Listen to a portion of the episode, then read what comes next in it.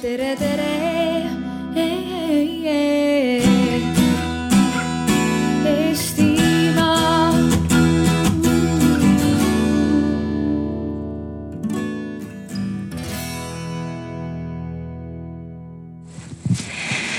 Tere kõigile, mina olen Merilin Truuvert avaliku sektori innovatsioonitiimist ja minuga koos on siin arutelu modereerimas äh, Daniel Kotsjuba, kes on samuti äh, avaliku sektori innovatsioonitiimist. et miks me siin täna kokku saame, on see, et meie avaliku sektori innovatsioonitiimi ülesanne on leida koostöös ministeeriumite ja allasutustega kasutajakeskseid lahendusi. et me püüame kombata piire, leida uusi lahendusi, aga neid ka siis äh, katsetada ja vaadata, et kas nad tõesti toimivad, mis tähendab, et eksperimenteerimine planeerimine on meie igapäevatöö osa, et pea kõikides oma tegemistes või projektides me ikkagi püüame kõigepealt katsetada, et kas asjad toimivad nii, nagu nad võiksid ja siis vaatame, kuidas neid laiemalt rakendada. aga eksperimenteerimine kui selline Eesti avalikus sektoris on üsna selline äh, veel arusaamatu mõiste ja tihtipeale kujutatakse ette siis neid äh, puurisküülikuid ja neid äh, tuima näoga teadlasi, kes neid jälgivad, et, et täna siin me natukene püüamegi laiendada seda mõtteruumi, et mis võiksid, mis on eksperimendid avalikus sektoris.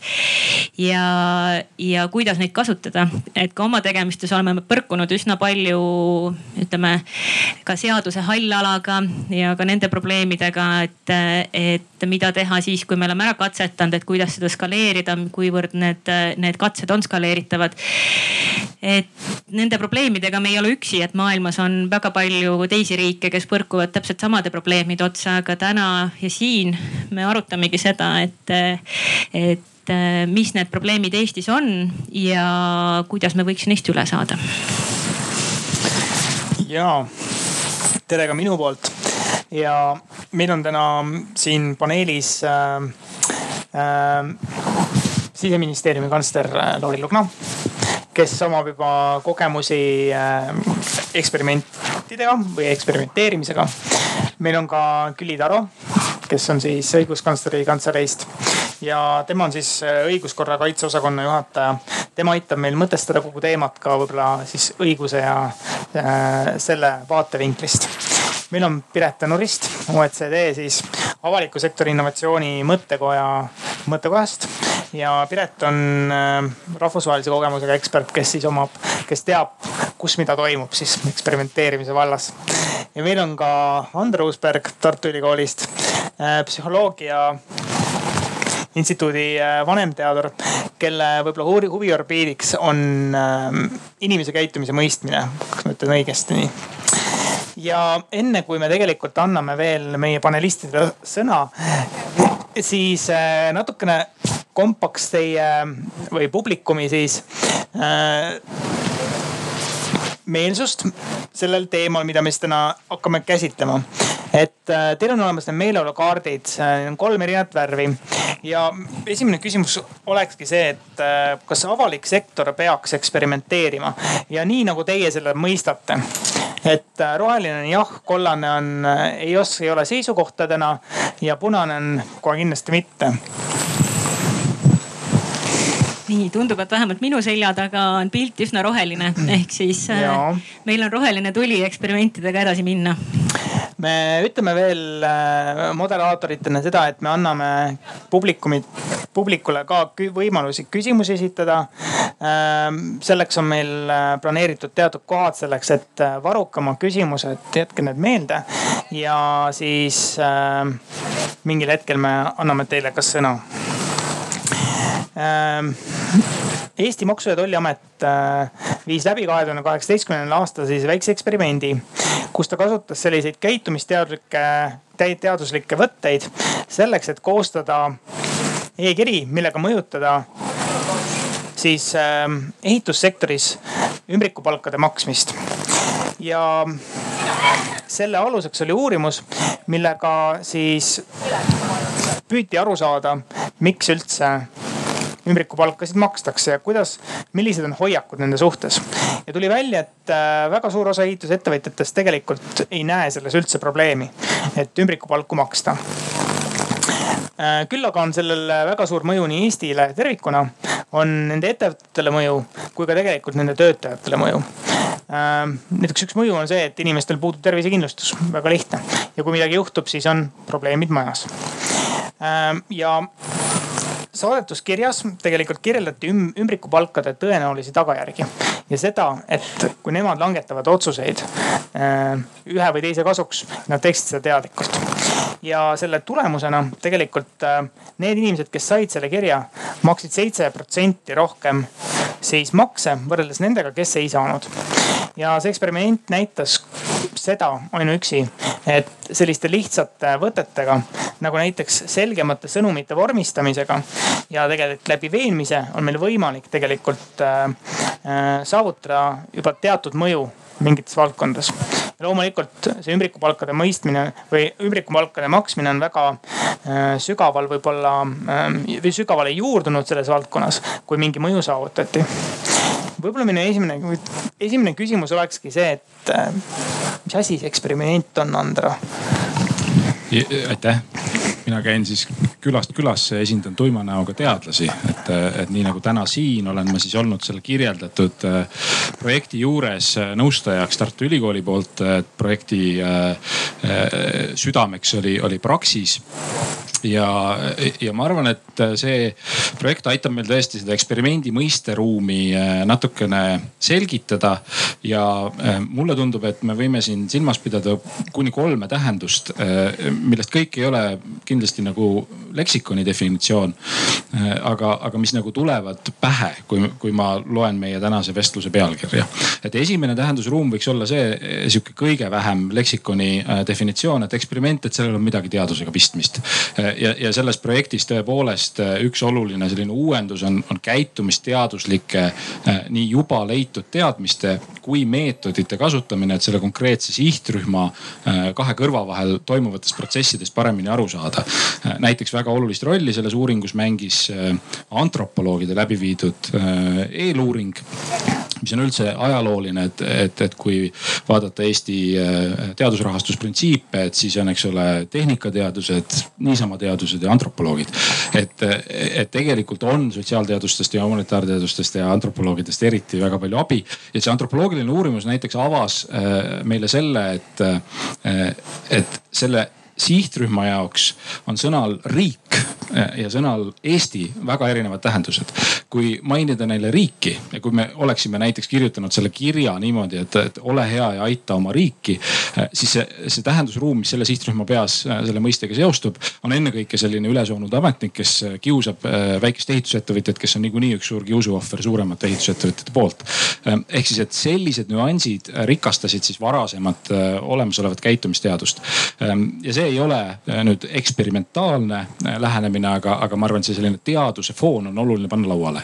siis võib-olla teine eksperimendi tähendus on võib-olla selline tavakeelne tähendus, et, et me katsetame midagi enne, kui me, kui me hakkame seda nagu suurel ähm, suuremal väljal ja, ja, ja püsivalt rakendama.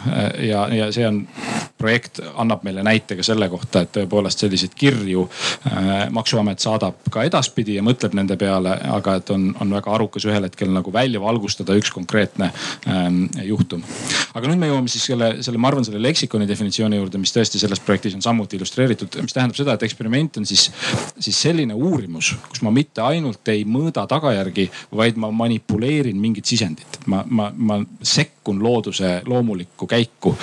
ja, ja enamasti näeb see välja nii, et on, on kaks näiteks rühma ja ühe rühmaga juhtub midagi ja teise rühmaga ei juhtu. et antud juhul siis üks seltskond sai need meie disainitud kirjad ja teine seltskond ei saanud. ja nende seltskondade identiteet oli siis nagu juhuslikult leitud, et, et inimesed loositi ühte või teise gruppi, mis siis võimaldas teha selle järelduse, et, et, et kuni seitse protsenti on võimalik seal näha äh, äh, kasutegurit kuidas siis eksperimenteerida? ja eksperimenteerimise äh, elemendid siis nagu peamised kaks tükki, mis paigas peavad olema, ongi siis mm. manipulatsioon ja mõõtmine. et, et me võime näha ilmselt nii avalikus sektoris kui mis tahes tegevustes seda, et inimesed üritavad ühte-teist asja muuta, kasvõi üksik indiviid ähm, üritab oma toitumist näiteks muuta. Äh, aga et seda ei saa veel nimetada eksperimendiks, kui sealt on puudu see, et ta siis ka mõõdaks tagajärgi ja, ja püüaks tagada, et, et tõesti selles tagajärje mõõdikus nähtav muutus äh, on, on tagasiviidav sellesse tehtud, tehtud muutusesse või, või, või manipulatsiooni. ehk siis, et selles konkreetses projektis oli siis väga oluline see, et, et, et oli kokkuviidav palga siis palgamaksete laekumine paari-kolme kuu jooksul, kui me seda analüüsisime. ja tõsiasi, et kas see maksja on meie poolt mõjut-, meie poolt läbi kirjutatud kirja saanud või mitte aga sa ütled siis, et tegelikult äh, need eksperimendid ja need eksperimenteerimised, seda võib kohata tegelikult meie igapäevases elus igal pool või? või on see midagi väga unikaalset, millest me täna tegelikult räägime? ma arvan, ta on nii ja naa, et need elemendid on sageli kohal äh, ja ja selline nagu laiemas tähenduses see idee, et me piloteerime, et me proovime asju läbi. et seda me näeme mitmel pool, aga sellist süstemaatilist lähenemist, et see on võib-olla juba spetsiifilisem, et me teame, kui ma jätkan selle üksikisiku näitega, et on tõesti äh, inimesed, kes spetsiifiliselt nimetavad ennast biohäkkeriteks. Äh, kes mõnes mõttes teevad eksperimente endaga, et nad tõesti jälgivad näiteks oma pulsikelladelt ja muudelt seadmetelt saadud andmeid üritavad oma elu muuta.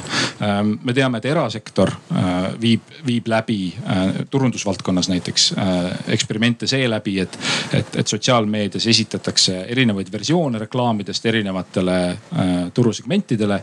ja, ja selle saadava tagasiside põhjal siis tehakse otsused järgmiste reklaamide kohta, nii et on ka selliseid täiesti süstemaatilisi eksperimente, aga et ilmselt see meie tänane teema tähendab seda, et võib-olla avalikus sektoris kohtab neid vähem kui, kui näiteks erasektoris aga Piret, kas ka muu maailm saab samamoodi eksperimentidest aru või on sul äh, mingid, mingeid elemente lisada, et äh, mis, mida Andero välja ei toonud ja et kas on ka mingid olulised, et kuidas, kuidas eksperimenteerida ja kuidas mitte eksperimenteerida? Ma arvan, et seal on ikka suur segadus on sellest eksperimentide ümber üldse, et kuna me räägime pilootidest ja selline piloodi tegemine on avalikus sektoris selline igapäevane teema. et teeme siis sellise väikese pilootprojekti või ehitame prototüübi, äh, et näha, et siis sellist väiksel kujul, et kuidas asi toimib või mida, kuidas tehakse. aga kui me räägime eksperimentidest, siis me tihtipeale ikkagi räägime, et on tegemist on kontrollrühmaga, et meil on selline informatsiooni loomise vorm. et me ei tea, kuidas mõni asi toimib, et me ei tea, et kuidas mõni selline interventsioon või selline poliitika kujunemise meede, et kuidas ta reaalselt toimib, et kas ta reaalselt ka päriselus saab toimima ehk siis tavaliselt siis ikkagi eksperimendi vormis siis luuaksegi selline nagu Antero rääkis, kontrollrühm, et ük, üks saab seda meedet ja teine ei saa seda meedet. ja eksperimendi vormis on ka, et oluline see, et, et sellises reaaltingimustes, et selline field experiment, et viiakse reaaltingimustes läbi. et kui me paneme inimesed laborisse, siis kui kaamerad vaatavad meil meile nii-öelda otsa seal laboris, siis inimesed hakkavad teistmoodi käituma kui äh, kui nüüd meil siin omavahel suheldes või reaalelus. Ehk äh, inimesed, mis meile ütlevad, et ka teadlasena, et ma lähen intervjuud tegema, küsin, et kas sa homme jätad suitsetamise maha, need on põhjused, miks ja miks. ja ma annaksin sulle sellise asja, kas sa teeksid seda? et ma, kui inimene ütleb jah, kindlasti ma saan aru ja kui ma saaksin sellise toetuse, et kindlasti jätaksin no kas ta jätab siis suitsetamise maha või ei jäta. et me tegelikult ei tea seda mõju reaalselt. et eksperimentegi korraldatakse selle jaoks, et äh, inimesed on väga keerulised, et eriti neid inimestega tehtavaid eksperimente tehaksegi selle järgi, et me võime lubada midagi, tahta midagi, aga kas reaalses elus tegelikult toimib. ja sellepärast ongi nagu suur segadus ka, et mis see eksperiment reaalselt on, et kas see on selline piloot või trial või selline proov või on ta siis selline reaalne eksperiment et ongi sellised erinevad kraadid, et kas me siis nii-öelda teeme väikese katsetuse või me teemegi selle nii-öelda kontrollrühmaga eksperimendi, et kus me kindlalt saame öelda, et, et sellel meetmel on mõju. et kui me praegu teame, et kõik kuuleme ja loeme lehti, et Covidi ja koroona eksperimendid, nii-öelda sellised trial'id on toimumas. et tehakse ka nii-öelda vaktsiinidega eksperimente hetkel, et kontrollitakse seda, et kas reaalselt vaktsiin toimib või ei toimi. ja me teemegi seda selle jaoks, et see on oluline, et mitte süstida mingisuguseid kõrvalmõjudega asju, mis ei toimi inimestesse. kuna me räägime inimeste eludest, väga oluline teema ja me peame neid eksperimente läbi viima ja enamasti üheksakümmend protsenti nendest vaktsiinidest ja eksperimentidest ja trial'itest, mis läbi viiakse kontrollrühmadega, näitavad et, et üheksakümmend protsenti nendest ravimitest ei toimi ehk neid üheksakümmend protsenti nendest ravimitest me ei tohiks tegelikult inimestesse süstima hakata. ehk meil on vaja seda informatsiooni äh, inimestelt ja siis on vaja ka seda, riikides on ja avalikus sektoris on vaja ka seda informatsiooni selle põhjal, et mis on eksperiment või mis on lihtsalt selline katsetus. et kui õpetaja läheb ühte klassi, teeb ühes klassis ühte, proovib ühte meetodit, läheb teise klassi, proovib teise meetodit. et kas tegemist on eksperimendiga või ei ole. et võib-olla on siis tegemist igapäevase sellise katsetusega et äh, kus siis peame hakkama rääkima sellistest äh, keerulisemast teemadest, et kui riik hakkab siis nii-öelda erinevalt kohtlema erinevaid sihtrühmi või looma neid kontrollrühmi. et reaalselt sellist nii-öelda väga teaduslikku informatsiooni saada teada, et äh, kas midagi toimib või ei toimi. Külli ja Lauri, te mõlemad näitasite rohelist sellele, et, et kas avalik sektor peaks eksperimenteerima, et miks te siis arvate, et miks peaks?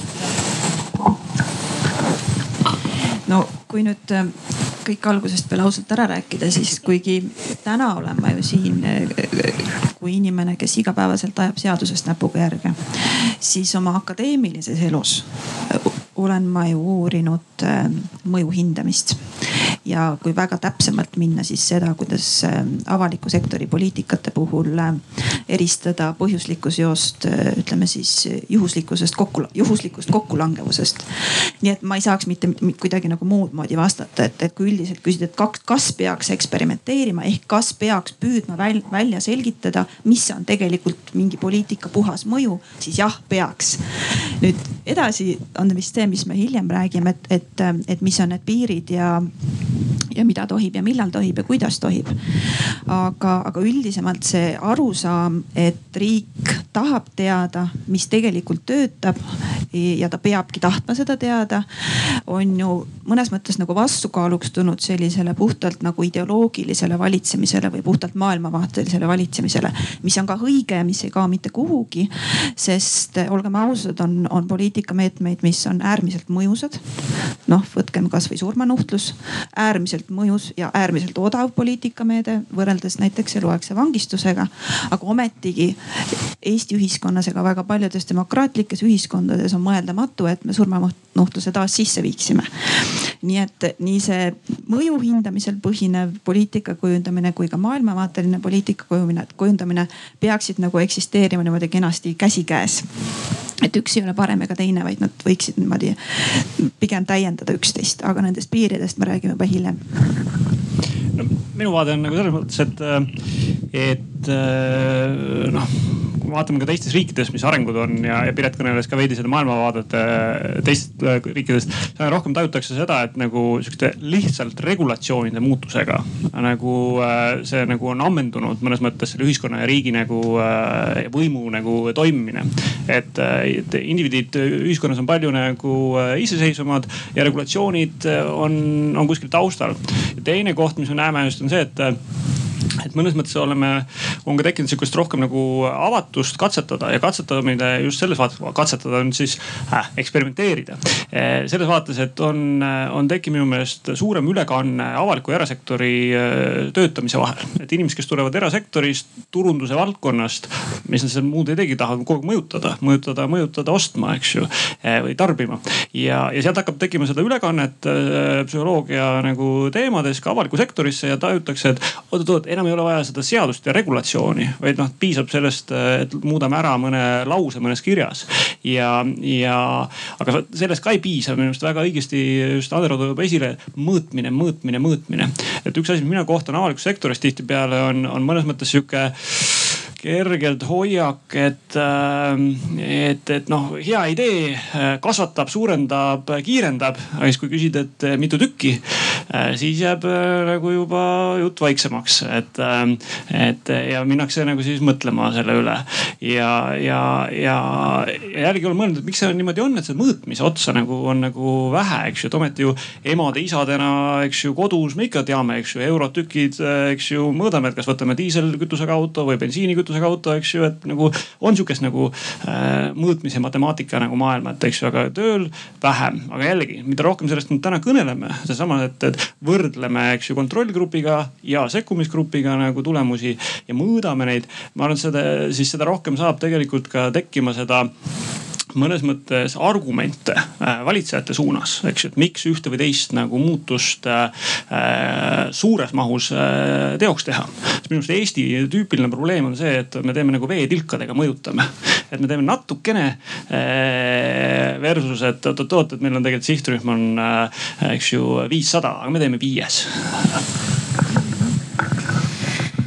aga nagu kõik te juba vihjasite, siis ei ole see kõik mitte nii lihtne ja et, et see tänane vastus ilmselt ei ole, et jah, lähme eksperimenteerima, aga enne kui me nende keerulisemate teemade juurde läheme, me küsime veel äh, ümberringi olevatelt inimestelt, et äh, kas sa usaldad riiki enda peale eksperimenteerima? ega siis riik ei eksperimenteeri inimeste kallal. riik, see on konkreetsed inimesed. järelikult inimesed eksperimenteerivad inimese kallal. see on põhjus aga kas siin mõni veel, kes, kes vastas, et ta, ta teps mitte ei tahaks riiki usaldada enda peale eksperimenteerima, soovib kommenteerida?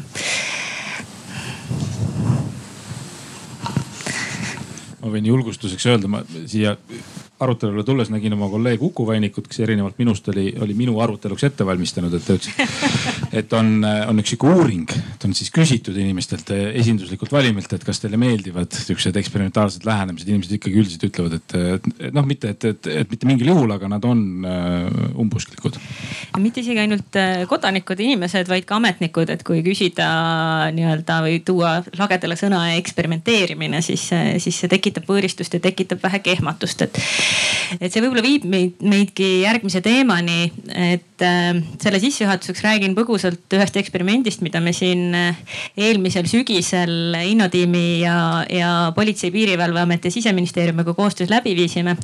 nimelt rahunemispeatus et et ähm, samamoodi nagu Maksu- ja Tolliameti puhul me kõigepealt läksime, rääkisime inimestega äh, ja saime teada seda, et kui trahvid on selline asi inimestele, mis nagu no suurt ei mõjuta, et, et on küll korra valus, aga pigem suhtutakse neisse kui kommunaalarvetesse. et siis see aeg, mis inimesed veetsid politseiautos või siis nii-öelda politseiga vesteldes selle trahvi saamisel, on inimestel palju eredamalt meeles. ja sellest lähtuvalt sündiski see rahunemispeatuse idee ehk siis äh, katsetada aega kui mõjutusvahendit trahvi tasemel. ja seda me paaril korral ka Rapla-Tartu maantee või Rapla-Tallinn maanteel äh, katsetasime Äh, ja me saime sealt päris palju väärt informatsiooni ka selle kohta, kuidas avalikkus äh, üldse sellise, sellesse suhtus. üldiselt oli see väga positiivne, et inimesed äh, võtsid seda kui õiglasemat meedet kui trahvid näiteks, et kuna noh, sissetulekud on erinevad, siis aeg justkui mõjuvat igale ühele sarnaselt, samamoodi valusalt. aga teiselt poolt me põrkusime juristide eriarvamustega, et eks me tegutsesime seaduse, ütleme hallalas ja see võib, võib-olla toobki meid järgmise küsimuseni ehk et äh, millised on eksperimentide piirid või eksperimenteerimise piirid ja kas on olukordi, kus ei tohiks eksperimenteerida? ja, et äh, see oli üks põnev ettevõtmine, sellepärast et äh, liiklus Äh, õnnetuste, vigastuste ja surmade arv on noh, viimased ütleme viis-kuus aastat olnud mõnes mõttes platoo peal. ja see ongi seesama, et, et äh, küll me oleme siin ka te, teinud uusi algatusi äh, siis kiiruskaamerate nagu teemas ja, ja, ja teisest küljest ka teinud selliseid algatusi, kus vähendada seda aega, mis kulub siis ühe kiiruseületaja siis äh, rikkumise menetlemiseks, äh, sest et seeläbi tõsta nagu subjektiivset äh, riski, et ka järgmised jääksid vahele ehm,. kuid, kuid me olime ikkagi tippjuhtidena nagu olukorras, kus nagu, noh, sellest ei piisa, peaks midagi veel tegema ja sealt need ettepanekud tulid. ja tõsi on see, et, et see tekitas diskussiooni, diskussiooni selles osas, et, et millega siis nüüd tegemist on, et, et kas tegemist on selle klassikalise olukorraga, kus politseipatrull olles liikluses ju näeb ju kümneid, sadu kiiruseületajaid, aga ta suudab nagu ju sekkuda ja nii-öelda siis menetleda, kuulata ära, mis on, eks ju, põhjused ja asjaolud. vaid eks ju üksikute puhul, eks ju, et, et mõnes mõttes ja, ja tihtipeale ka seadusruum annabki selle võimaluse, eks ju, anda suulist noomitust, eks ju, et, et mitte teha seda rahalist trahvi. ja, ja selles eksperimenteerimises projektis rahunemispeatuse nimega oligi see ju idee, et, et luua mingisugune teistsugune nagu mõjutamisinstrument. tõsi on see, et meil pole õrna aimu, kas see tegelikult mõjub või mitte ja NB ma ütlen siiamaani siin ka tugevasti ära, et ikkagi nende isikute arv, keda me mõjutasime, oli kaduvväike. et, et mina täna küll sinna alla kirjuta, et lähme nüüd tuhandete kaupa seda tegema. kuid minu meelest oli oluline hetk selles vaates, et et äh, kuna nagu ikka avalik sektor üritab riske maandada, siis me käisime nagu tiiru peale, eks ju, erinevate juristide juures.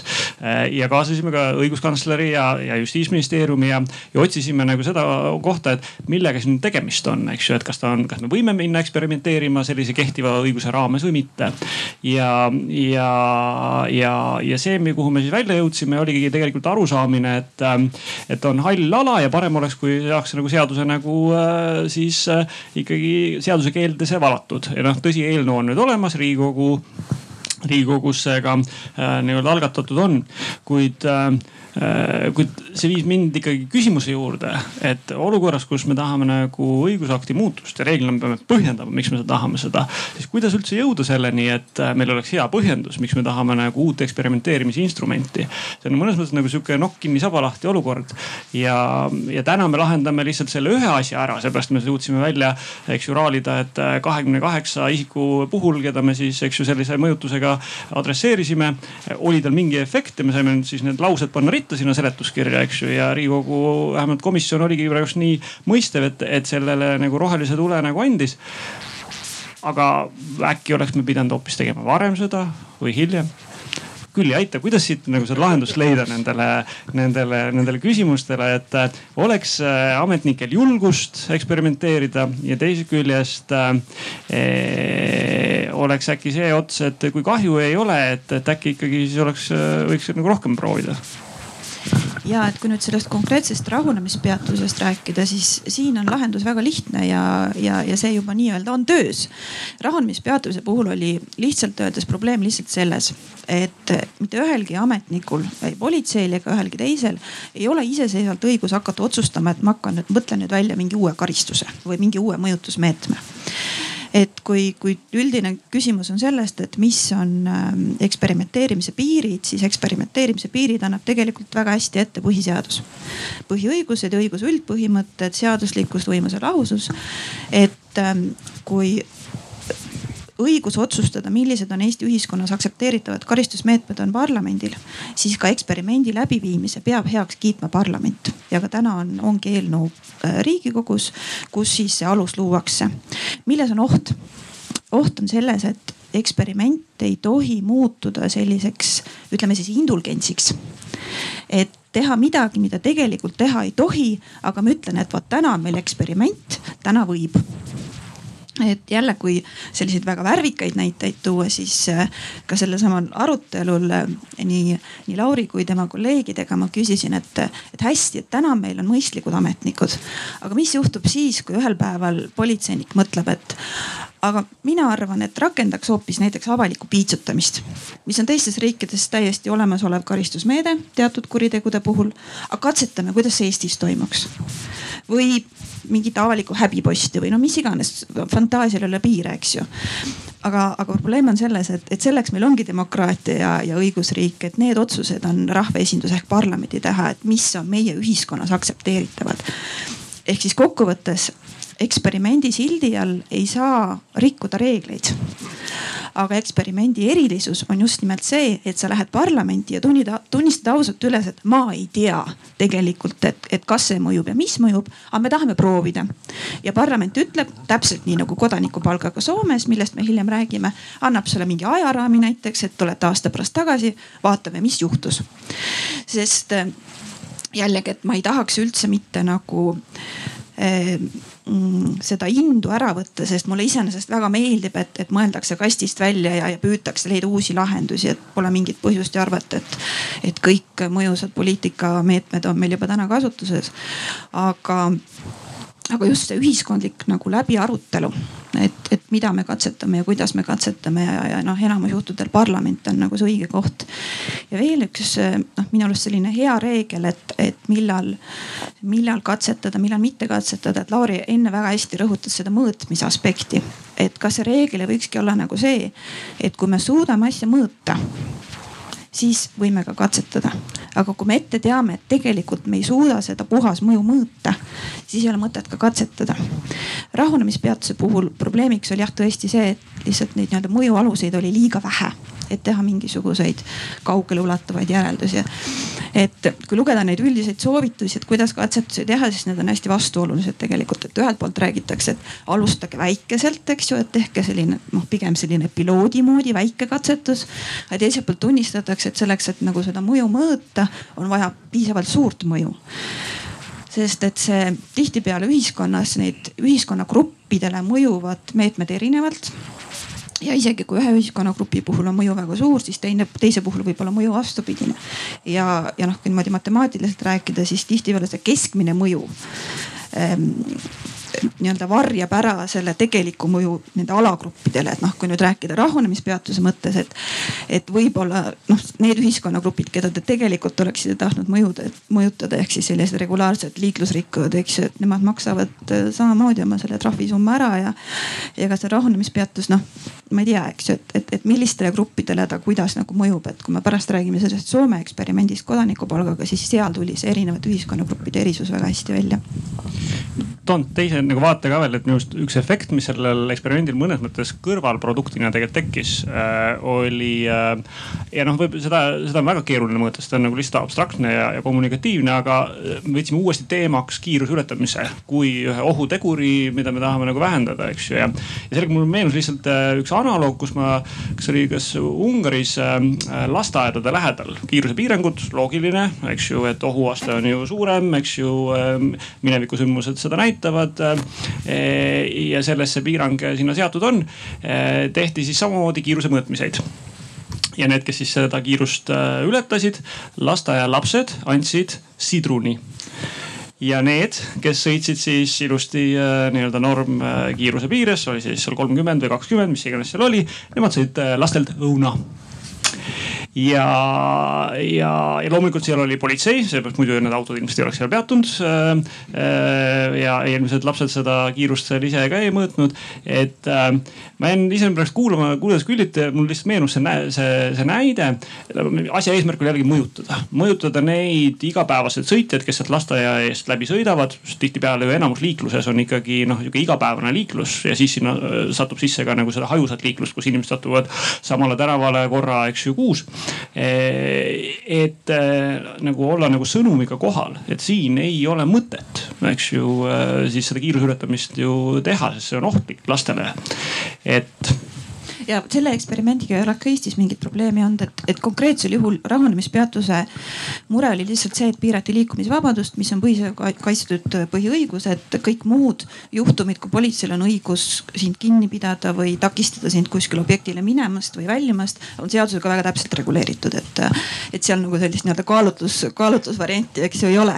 aga tõsi on see, et me, meil oli ka väga äh, nagu siis ähm, äh, riukalik äh, idee selle ümber, et me oleks nelikümmend viis minutit vest vestelnud taga ähm, mis on äh, kehtiva seaduse raamides täiesti äh, nagu õigustatud näidata, eks ju, kuivõrd ohtlik see tema tegu oli ja. see miks, läheb juba vastuollu hea halduse põhimõttega, mis on samamoodi põhiseadusega kaitstud. ja, ja aga noh, häda oligi selles, et lihtsalt see oleks olnud meile nii-öelda puhtalt menetlusökonoomiliselt ebamõistlik, sellepärast et me oleks sinna pidanud nagu kinni panema niivõrd palju, eks ju, politseinikke. kas sul on seda politseinikku, kes on nelikümmend viis minutit igaühega vestlemas hoida? just nimelt, täpselt seda ei ole, eks ju. ja ja sellepärast me siis ähm, sellesse halli, halli alasse nagu sattusime.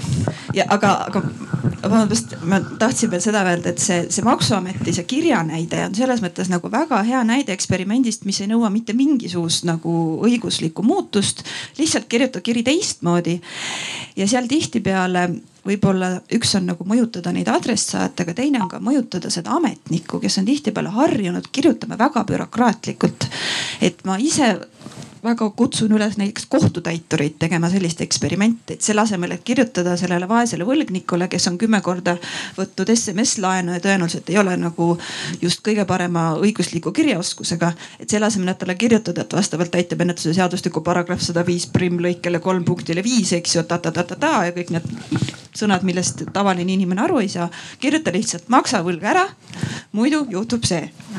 sest tihtipeale nagu ametnikud arvavad, et nad peavad hästi tähtsalt kirjutama, hästi keeruliselt ja alati peavad paragrahvid sees olema, sest muidu ei ole piisavalt tõsine.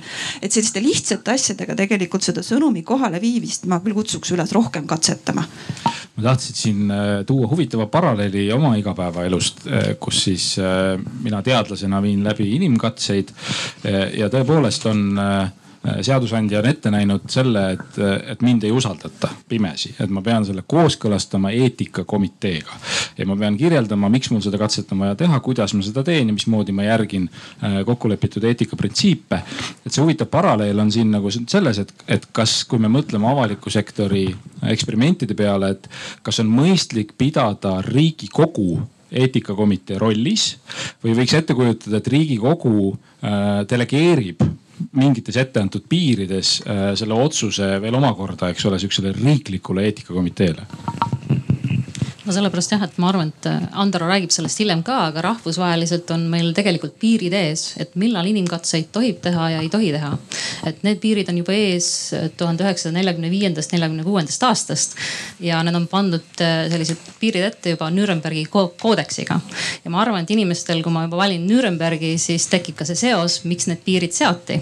et kuna teatud tingimustes tehti väga koletaid eksperimente, et kui ma algel teilt küsite, et kas te usaldate riiki enda nendega eksperimenteerima, siis minu vastus oli ka oranž, et sõltub riigist no igat riiki ei, ikka ei usalda küll endaga e-, eksperimenteerima. et kui need reeglid ei ole paigas ja neid reegleid ei jälgita. et kui me räägime nagu sellistest printsipiaalsetest eetilistest reeglitest, rahvusvahelist, et kuidas viiakse eksperimente läbi või ei viida, siis on seal põhimõtteliselt kolm reeglit, et inimesed peavad olema sellega nõus sul peab andma nii-öelda informeeritud nõusoleku, et ma olen nõus, et minuga eksperiment läbi viiakse. sa ei pea teadma täpselt, et mis seal mõõdetakse aga sa pead andma nõusoleku, et, et eksperiment läbi viiakse. sul peab olema ka teiseks alati võimalus taganeda eksperimendist osalemisest. ehk nii-öelda, kui ma ei taha seal istuda nelikümmend viis minutit, istusin kakskümmend ja mul oli, sai, sai villand, siis mul peab iga hetk peab olema võimalus, anna mulle see trahv, ma lähen sõidan edasi. et mul, mul aitab et see valik, valikuvabadus nii-öelda taganeda eksperimendis osalemisest igal hetkel peab olema ja sellega ei tohiks trah-, mingisugust äh, piirangut või trahvi inimesega, inimesele kaasata, et ta võib loobuda äh, sellest osalemisest. ja, ja siis kolmandaks on muidugi see kasu ja kahju. et iga asja inimestega, isegi primaatidega, loomadega, et kui lähed eetikakomisjoni ette ülikoolis, no iga asja suhtes sulle ei anta luba, et te, tehke eksperiment. Äh, sellepärast, et kasu peab olema ületama olulisel määral seda potentsiaalset kahju, mida inimesega nii-öelda mõjutamisega võib ette, ette tuua. et meil on neid selliseid, pärast Nürnbergi koodeksit on meil näiteid, et mida tõenäoliselt nii-öelda publik ka teab kuni Stanfordi vangla eksperimentidest, kus nii-öelda psühholoogilisi teste tehakse inimestega, et üht, ühetest tehtakse valvurid ja teistest tehtakse vangid. ja siis sa pead nii-öelda pärast oma käitumislike otsustega elama. et psühholoogid tegid meiega selliseid katseid ja vaata, missuguseid koledaid asju ma vangivalvurina või vangi oleku rollis tegin. et selliseid asju ei tohiks olla. ja selle jaoks peaks olema ka piirid paigas ehk nii-öelda, kui meil on ülikoolis on nii-öelda eetikakomisjonid paigas, et ülikoolis teadlased peavad minema ja põhjendama ja kirjutama ja kirjutama neid pabereid täis, et kuidas neid eksperimente tegelikult reaalselt tehakse inimestega. siis nii-öelda tekib küsimus, et miks Eestis nii-öelda riik seda tegema ei pea ehk ka siis Soome näide, et me räägime sellest äh, nii-öelda sellest äh, basic income'ist või siis hiljem ka. aga Soomes tehti nii-öelda eksperimenteerimise nii-öelda direktiiv peaministri büroo tasandil ja nii-öelda see raamistik enne valmis ja siis hakati alles kaks tuhat seitseteist hakati eetikakoodeksit pärast kirjutama. ehk siis nii-öelda eksperimendid läksid laia looga, läksid edasi, aga koodeks kirjutati pärast. ehk siis tekib mul tegelikult usalduse küsimus, et nii-öelda kõigepealt teeme eksperimendi ja siis pärast räägime eetikast. ehk nii tegelikult teha ei tohiks ja aga Soomes iga eksperiment, mis, mis jällegi sekkus kellegi põhiõigustesse, see oli seadust, seadustatud, et nii, et seal oli nii kodanikupalga kui ka nende sotsiaaltoetuste erinevad eksperimendid, et, et need olid ikkagi parlamendis läbi arutatud, et noh, et täpselt samamoodi, et, et Eestis ei saaks üks Sotsiaalkindlustusameti ametnik lihtsalt ise täna otsustada, et, et hakkaks maksma kodanikupalka Eesti inimestele, et, et seal oli ikkagi parlamendi tasandi otsus. jah, et siin võib-olla ka lisaks öelda, et põhiõiguste riiveid või põhiõiguseid puudutavates valdkondades võib eksperimente läbi viia riigid on viinud läbi eksperimente, mis puudustavad eh, inimeste põhiõigusi. aga sellisel juhul teatud situatsioonides nagu Saksa õiguse ruumis me lihtsalt peame ta seadusesse viima, et see peab olema seadusega nii-öelda lubatud. kui sa oled kuskil Anglo-Ameerikas, siis sa võid pärast kohtusse minna ja rääkida sel teemal, et mis sa tegid. hästi kiirelt täpsustaks selle veel ära, et, et, et, et minu sellise nagu mittejuristi esimene nagu tunnetus on see, et oot-oot, et see on parlamendi aja raiskamine. noh, siis ma muidugi mõtlen, kes meil parlamendis on ja mis nad teevad, siis ma saan üle sellest. aga et, et see idee, et, et kas peab olema nagu seadusandlik, eks ju, esindajate koda või, või oleks mõeldav see, et, delegeeritakse mingites piirides mingisugusele spetsseltskonnale see, see otsus? kui sa teed eksperimenti, mis ütleme siis eksperimenti mingisuguse poliitikameetmena, mis muidu nõuaks seadusemuudatust, siis nõuab ka eksperimendina ta seadusemuudatus, aga ma ütlen, et tegelikult enamus eksperimente ei nõua seadusemuudatust. et Piret siin nüüd tõi selle, ütleme siis selle väga huvitava teema ehk siis nõusoleku teema sisse, et, et nõusolek avalikus sektoris on ka selline riukalik teema, sest et ähm, üldiselt äh, õiguslikult ei peeta avalik, ütleme siis riigivõimule antud nõusolekut vabatahtlikuks nõusolekuks. et see ei ole niimoodi kahe võrdse osapoole nõusolek ja siin on eraldi omaette teema on veel inimese võimalus oma põhiõigustest loobuda, et üldiselt arvatakse, et tegelikult inimene ei saa oma põhiõigustest loobuda. et need sulle on antud ja need sinuga jäävad, et sa võid loobuda selle kasutamisest. sa võid näiteks loobuda äh, õigusest kasutada sõnavabadust, aga see ei tähenda, et seda õigust sul enam ei ole. et riik peab ikkagi kaitsma seda sinu õigust, isegi kui sa ei taha seda kasutada täna meil ei ole siin eutanaasia arutelu, aga, aga noh, seal arutelus on see nagu noh, keskne küsimus, et kas ma saan loobuda õigusest elule. aga see nõusoleku teema jah, et, et noh, esiteks kindlasti ei saa teha nõusoleku alusel eksperimente alaealistega. noh, see on kindel et seal peab olema ikkagi keegi teine teovõimeline kõrval, kes hindab neid eetilisi piire. aga mul ei ole täna vastust, et kas, kas ja mis määral võiks see nõusolekuna toimuda. aga noh, pigem jah arvatakse, et, et noh, kuna see nõusolek ei ole ikkagi nii-öelda kahe võrdse poole vabatahtlik nõusolek, siis see enamasti ei saa nagu olla ainsaks aluseks.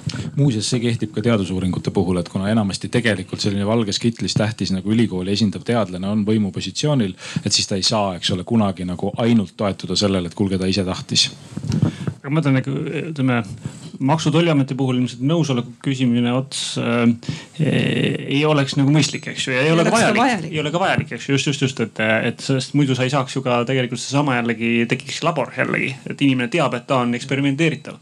Äh, ja, ja see ja me ei saa tegelikult nagu äh, siis äh, adekvaatset või noh, nii-öelda siis äh, tegelikku äh, nagu siis tulemust äh, nagu vaadeldud, et, et aga, aga, aga tõsiasi on see, lihtsalt see nõusolek teise nurga alt tuleb, kui ma olin Maanteeametis kunagi ja, ja ja küsimus oli see, et juhiloa aegumine, eks ju, sellega kaasnevad ka omakorda, eks ju, inimestele eh, negatiivsed tagajärjed, sellepärast et riik eeldab, et tal oleks juhiluba olemas. miks, sellepärast et selle taga on tegelikult tervislik seisund, eks ju, teatud regulaarsuse tagant kontrollitakse, et inimesel on tervisega hästi, et siis ta võib ka ju sõidukit juhtida. ja, ja, ja see, ja seal olla, oli selline olukord, kus meeldetuletusi saadeti ainult nendele, kes olid seda tellinud ja siis ma küsin, et aga meil on ju olemas, eks ju, seal kuuesaja tuhande juhiloomaniku emaili aadressid kõik, nad on ise andnud. kas siis füüsilise isiku tuludeklaratsiooni täites või, või muus olukorras selle, eks ju, riigile ja, ja riik saab ju seda kasutada. ja siis mulle öeldi ka ikkagi, et ei, ei, nad ei ole nagu nõusoleku andnud, et me neid teavitame. noh, ma ja siis äh, võtsin julguse kokku, ütlesin, et, et ma olen nõus ise nagu halduskohtusse minema nagu siis meie seisukohta ja positsiooni kaitsma. ja loomulikult me hakkasime, juhul kui tuleks siis nagu vaie, vaie, et miks te mind teavitasite. no loomulikult sihukest vaiet ei tulnud ja, ja, ja ma arvan, et inimesed olid palju õnnelikumad, et me teavitame neid, et nende juhiluba aegub. et aga see ei olegi nagu see, see küsimuse koht, et seal antud juhul ei olnud eksperimenti kui sihukest, eks ju, see oli lihtsalt nagu, et oleme nagu mõistlikumad ja, ja, ja, ja parem riik. siin on ka tegelikult jälle väga hea lahendus olemas, et, et kui üldiselt andmekaitses jällegi, et äh, ei saa nagu nõusoleku alusel minu andmeid töödelda, siis eraldi nii-öelda loetakse nii-öelda mugavusteenuseid ja teavitusteenus on mugavusteenus, mille puhul siis võib isikuandmeid nõusolekuna töödelda, nii et täitsa piisaks, kui maanteeamet lihtsalt oleks küsinud, et kas te olete nõus. kui ei ole nõus, siis ei saada teavitusi ja aga meie ütleme, eesmärk oligi just rohkem nagu, rohkem nagu teavitada. kõigepealt teavitada, siis seal all on siis väikses kirjas unsubscribe nagu tavaliselt midagi taolist aga kuna siin see Soome eksperiment sai juba korduvalt mainitud, siis, äh, siis ma natukene juhatan ta sisse ka, et äh, Soome tegi siin päris pika aja jooksul, kahe aasta jooksul eksperimenteeris kodanikupalgaga. aga just nimelt need parlamentaarsed arutelud ja, ja poliitiline seis viis selle sinnamaani, et nad ei katsetanud seda kodanikupalka lihtsalt juhusliku valimi peal, vaid, vaid nad katsetasid seda kahe tuhande töötu peal et nad said äh, täpselt sama summat, mida nad oleks töötuna saanud, ainus erinevus siis oli see, et kui nad, äh, kui nad äh, enam töötud ei olnud, nad said seda kahe aasta jooksul edasi või noh, ühesõnaga kokku kaks aastat seda summat, et mida see eksperiment siis näitas, oli see, et, et ega ta inimesi tööle tagasi väga olulisemalt ei toonud kui, kui muidu, aga ta näitas ka seda, et inimesed ei ole laisad. Ehk siis ehk nad ei jäänud ka pikemalt koju vedelema. ja teine asi, mida ta näitas, et inimesed olid õnnelikumad. et aga, aga see toob meid meie järgmise küsimuse juurde ehk siis, et kas on olukordi, kus ei tohiks eksperimenteerida, ma pean siin silmas sedasama nii-öelda neid eetilisi äh, dilemmasid, aga ka võib-olla sellist politiseeritust me siin, kui me enne seda tänast päeva omavahel arutasime, eks ju, et siis ega siin kehtivad need üldised äh, uuringu eetika põhimõtted, et. Äh, ja, ja peamine on see, et, äh, et kui sa juba ette tead, et midagi võib kedagi kahjustada, siis eksperimenteerida ei tohi. et sa ei tohi nii-öelda teadlikult kedagi kahjustada. ja, ja teine pool on see, et ähm, Soome puhul oli muidugi noh nagu eksperimentidega tihti juhtub, et poliitikutel ütleb poole pealt närv üles. ehk siis ka tegelikult Soome eksperiment läks mõnes mõttes aia taha, et ähm, kui muidu nad tahtsid ju saada teada seda, et ähm, et kui tavaliselt ütleme töötutoetuse puhul niipea kui sa tööle lähed, siis toetus võetakse ära. et mis juhtub siis, et kui toetust ära ei võeta, et kas sul on siis kõrgem motivatsioon minna tööle? Selgus, et noh, selline suhteliselt fifty-fifty, eks ju, et et seal oli jälle väga suur erinevus nende gruppide, et kui sul on, kui sul on need lastega pered, et neid motivatsioon tõusis ja nii edasi. aga poliitikutel ütles närv üles ja, ja tegelikult pandi poole eksperimendi pealt äh, nendele kodanikupalga saajatele ka täiendavaid kohustusi käia seal koolitustel ja, ja nii edasi, et, ähm, et seda jällegi seda puhasmõju hinnata oli lõpuks väga keeruline, sest nad said ka kõiki muid toetuseid sinna juurde.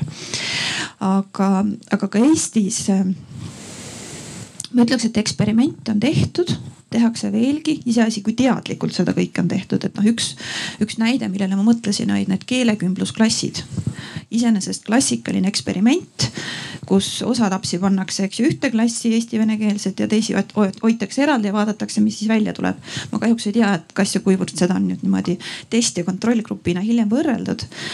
aga, aga see on nagu asi, kus me, me võime eeldada ette, et suurt kahju ei teki nüüd, kui me juba ette teame, et, et et, et kas kellegi tervis võib saada kahjustada, olgu see siis füüsiline või vaimne tervis või kellegi tulevikku väga pikaajaliselt oluliselt mõjutatakse, siis noh, tegelikult selliseid, selliseid asju eksperimenteerida ei tohi. aga see ongi see koht, kus rahvaesindus ehk parlament peaks need ühiskondlikud taluvuse piirid nii-öelda paika panema või seesama karistuspoliitika, et mis on nagu Eesti ühiskonnas aktsepteeritav karistus ja mis ei ole sina tahad kommenteerida seda Soome teemat, et sa oled selles ka nii-öelda rohkem uurinud? pikka aega on olnud võimalus ka kogu selle Soome eksperimenditiimiga nii-öelda koostööd teha ja jälgida seda, et kuidas see asi tegelikult äh, läks. et nagu Külli ütles ka, et äh, ühel hetkel sai närv närv läks ära, et poliitikutelt, et kas teha või mitte teha. aga seal on nii-öelda samm eespool ka, et oli tükk pikk äh, arutelu ka juristidega äh, antud kodanikupalga teema üle, et kas võib inimesi era, äh, erinevalt kohelda ehk siis tegelikult algselt ei tahetud üldse kodanikupalka ju anda ju töötutele. kodanikupalk peaks olema igaühele meist. et me võiksime iga kuu saada nüüd tuhat või kaks tuhat eurot ja, ja riik siis nii-öelda tõmbab muud teenused koomale. ehk siis selle arvelt, et me tõmbame oma siis nii-öelda meditsiiniteenused ja muud teenused, mida me anname, tõmbame koolale, me anname inimestele palka ja nii-öelda sellises äh, nii-öelda inimesed saavad siis osta teenuseid turult Äh, mida siis riik enam ei paku. see on põhimõtteliselt nii-öelda selline kodanikupalga idee, et me lihtsalt ei anna midagi rohkem, tegelikult eesmärk on ka tõmmata nagu sellist riigiteenuseid ka mõnes mõttes koomale ka.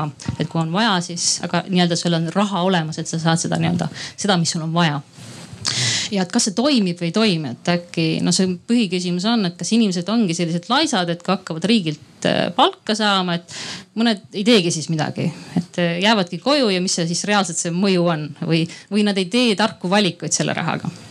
Ehk siis soomlased tahtsid ka, et neid äh, kodanikupalga eksperimente on maailmas läbi viidud mitmeid, et see ei ole esimene Kanadas, Rootsis, mujal tuhat üheksasaja seitsmekümnendates alates. Ja tahtsid seda eksperimenti nii-öelda siis nii-öelda läbi viia, et kui tulebki selline reform, et, et me valmistame ette selle jaoks, et noh, et robotid ja arvutid võtavad üle ja võib-olla meil ongi mõni selline kümnend, kus palju inimesi ongi hetkel töötud, kuna töökohad lihtsalt kaovad ära, et me peame mingisuguse uue sotsiaalse süsteemi looma selle jaoks ja, ja siis e-, eesmärk oli anda siis nii-öelda juhuvalimi abil mingisugusele seltskonnale kaks tuhat eurot. sa käid tööl, sa lihtsalt saad seda raha lisaks. Ja vaadata seda, et mis asi see mõju on siis, et mis, kas inimesed siis lähevad töölt ära, kui saavad raha. Või mis siis juhtub et me ta, reaalselt tahtsime teada, et, et kui sa teed sellised reaalsed poliitikavalikud, mis sulle lõppkokkuvõttes läheb mingisuguseid miljardeid, miljardeid eurosid äh, maksma, lähme kodanikupalgale üle ja sa ei kontrolli seda, et mis reaalselt juhtuma hakkab. Et see eesmärk oligi teha siis alustada ühe eksperimendiga, teha järgmine eksperiment, kolmas eksperiment.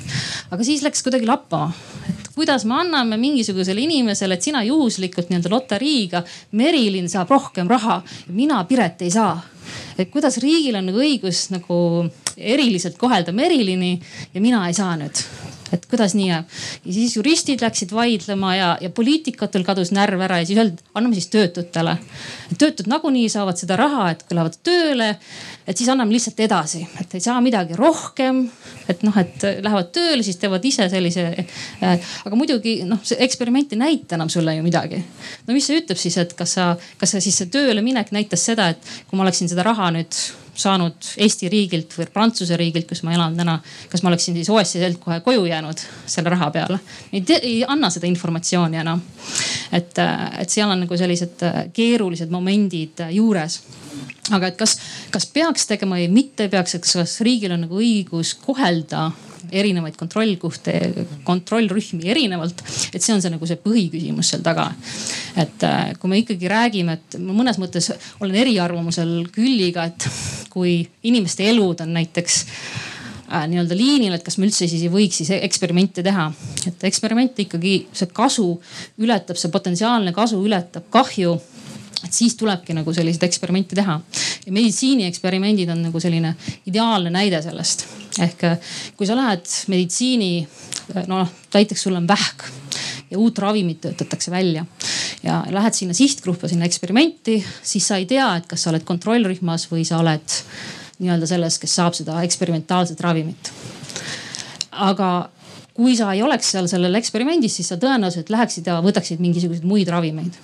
aga selle eksperimendi ajal sa lihtsalt ei või võita teisi ravimeid, kuna muidu me ei saaks teada, et kas see ravim töötab või ei tööta. ehk reaalselt on eluline mõju sellele kontrollrühmale. ja me oleme loonud seaduse, kus reaalselt on see lubatud, sellepärast et potentsiaal, potentsiaalselt äh, nii-öelda selle ravimi väljaarendamine kaalub huvina, kasuna nii-öelda üldsusele selle kasu üle ehk siis mingisugused situatsioonid on olemas ja see muidugi nõuab väga suurt eetilist debatti, et kuidas me loome sellise olukorra, et kus selliseid katseid läbi viia. aga kui meil on tõesti nagu olulised teemad nagu nii-öelda kodaniku poolt või hakkame sotsiaalsüsteemi totaalselt muutma ja see maksab meie riigile miljardeid, miljardeid eurosid iga aasta, siis ma arvan, et see kasu, potentsiaalse kasu, et teha seda targalt ja enne nagu proovida tõenäoliselt mingitustes tingimustes kaalub üle selle potentsiaalse kahju, et me võib-olla mingisugust kontrollrühma mõjutame teisiti. siit tuli minu meelest mängu üks, üks huvitav nüanss äh, selle eksperimenteerimise tähendusruumis just nimelt avalikus äh, sektoris ja, ja see on ajutisus. et, et ma arvan, et äh, et, et sellelt, mis sa just rääkisid nagu edasi mõeldes, et, et kui me analüüsime avaliku sektori eksperimente kriitiliselt, nii nagu me peaksime seda tegema, äh, siis äh, tasuks lauale võtta ka alternatiiv, et, et mis siis on selle nagu elukorraldusliku lahenduse saamislugu, kui see ei ole eksperiment. ja, ja et, et, et, et kindlasti oleks aus nagu välja joonistada see, et kui see alternatiiv on, eks ole, noh ideoloogiast kantud, mittetõenduspõhine ja kui sinna tulevad veel juurde noh, sellised nagu ähm, noh, ma ei ole nagu selle ala ekspert, aga, aga et ma saan aru, et, et sihuke noh, nii-öelda näiteks praegune äh, pensionireformi nagu kiirus äh, sisaldab tehnilist praaki, et see on lihtsalt avalikult, avalik-halduslik tehniline praak. et, äh, et et selle nagu eksperimenteerimisega avalikus sektoris äh, mulle tundub, et üks hästi-hästi suur väärtus Äh, seisneb selles, et ta, et ta annab nagu kodanikule ja meile kõigile arusaadava põhjuse, et miks see seadusemuudatus, mis me teeme, ei ole veel lõplik. et me muidu oleme hästi harjunud sellega, et, et noh, nüüd meie sõbrad said võimule ja nad tegid selle asja ära ja nüüd niikaua, kui me neid seal võimul hoiame, niikaua see seal püsib, et, et, et selle asjaga on nüüd nagu vähemasti korras. aga, aga et noh, et sageli me ei tea ette, eks ole, et kuna maailm on kompleksne. Äh, ja, ja mulle tundub, et see on ka üks nagu asi, mis väärib tähelepanu ma olen sinuga väga-väga nõus, sest et ähm, noh, see, millest avalikus sektoris väga palju räägitakse, on see hirm läbikukkumise ja hirm eksimise ees. et eksperiment annakski noh, nii-öelda legaalse võimaluse positiivselt läbi kukkuda, sest me juba ette ütleme, et see ongi katse ja, ja võib-olla ei tule välja ja me ette ütleme ka, et me võta, vaatame selle aasta või kahe pärast üle. et see ei ole midagi nagu jäävat. et see annaks ka nii-öelda poliitikute nagu ütleme siis, poliitik säilitaks oma näo isegi kui eksperiment läbi kukub. ja sarnaks ka nagu mõnes mõttes, kui ma tulen siit juurde, ega ju palju asju toimub ju toimub just ka nagu ametnike nagu enda algatusel, enda tegemisel, kui see tekiks see eksperimendiruum, eks siis ka on noh, mõnes mõttes on ka poliitikutel võimalik nagu distantseeruda, et see, et see oli nagu noh, ametnikud eksperimenteerisid siin, eks ju, jõudsid arusaamisele, et tuleb jätkata meie targal otsusel tehtud reeglite järgi, mis me juba oleme teinud ähm,. või siis vastupidiselt, eks ju äh,, takka kiita, et küll oli hea idee, eks ju, ja, ja nüüd lähmegi muudame seaduse ära, nii nagu meil äh,, nii nagu meil paistab nagu üks asi nagu siin tulevat võib-olla no päriselu on ikka ka see, et äh, mujal maailmas me näeme ka, et äh, et see nii-öelda avalik meedia, et kas ta siis ütleb või annab andeks selle, et veidi eksperiment läbi ja eksperiment ütles, et ärge minge. no eksperimendi eesmärk ongi, et kas minna või mitte minna, informatsiooni anda, jah, ei. aga kui reaalelus tuleb see vastus, et ei, ära mine.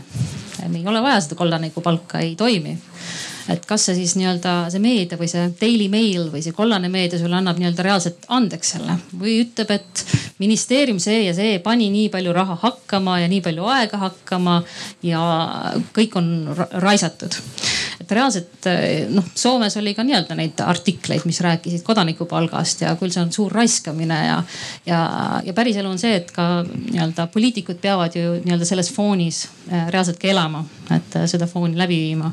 et öelda, et noh, et siis peab ka targalt mõtlema, et kuidas seda kommunikeerida või sellest nii-öelda rääkida sellest see rääkimine toob ka korra tagasi selle rahunemispeatuse juurde, mis mõnes mõttes äh, ma ise ennist ütlesin ka, et ma olen nagu enesekriitiline ja ütlen, et äh, see lugu, mis selle ümber tekkis, eks ju, oli nagu niivõrd nagu suur võrreldes selle tegelikkusega, eks ju, et veel kord, et kes siin ümberringi ei tea, kakskümmend kaheksa sõidukit, eks ju, äh, peeti kinni kiirusületuse tõttu, äh, millest siis äh, suurusjärgus nagu kuusteist valis rahatrahvi ja kaksteist valis siis, eks ju, selle rahunemise ajaliselt, eks ju.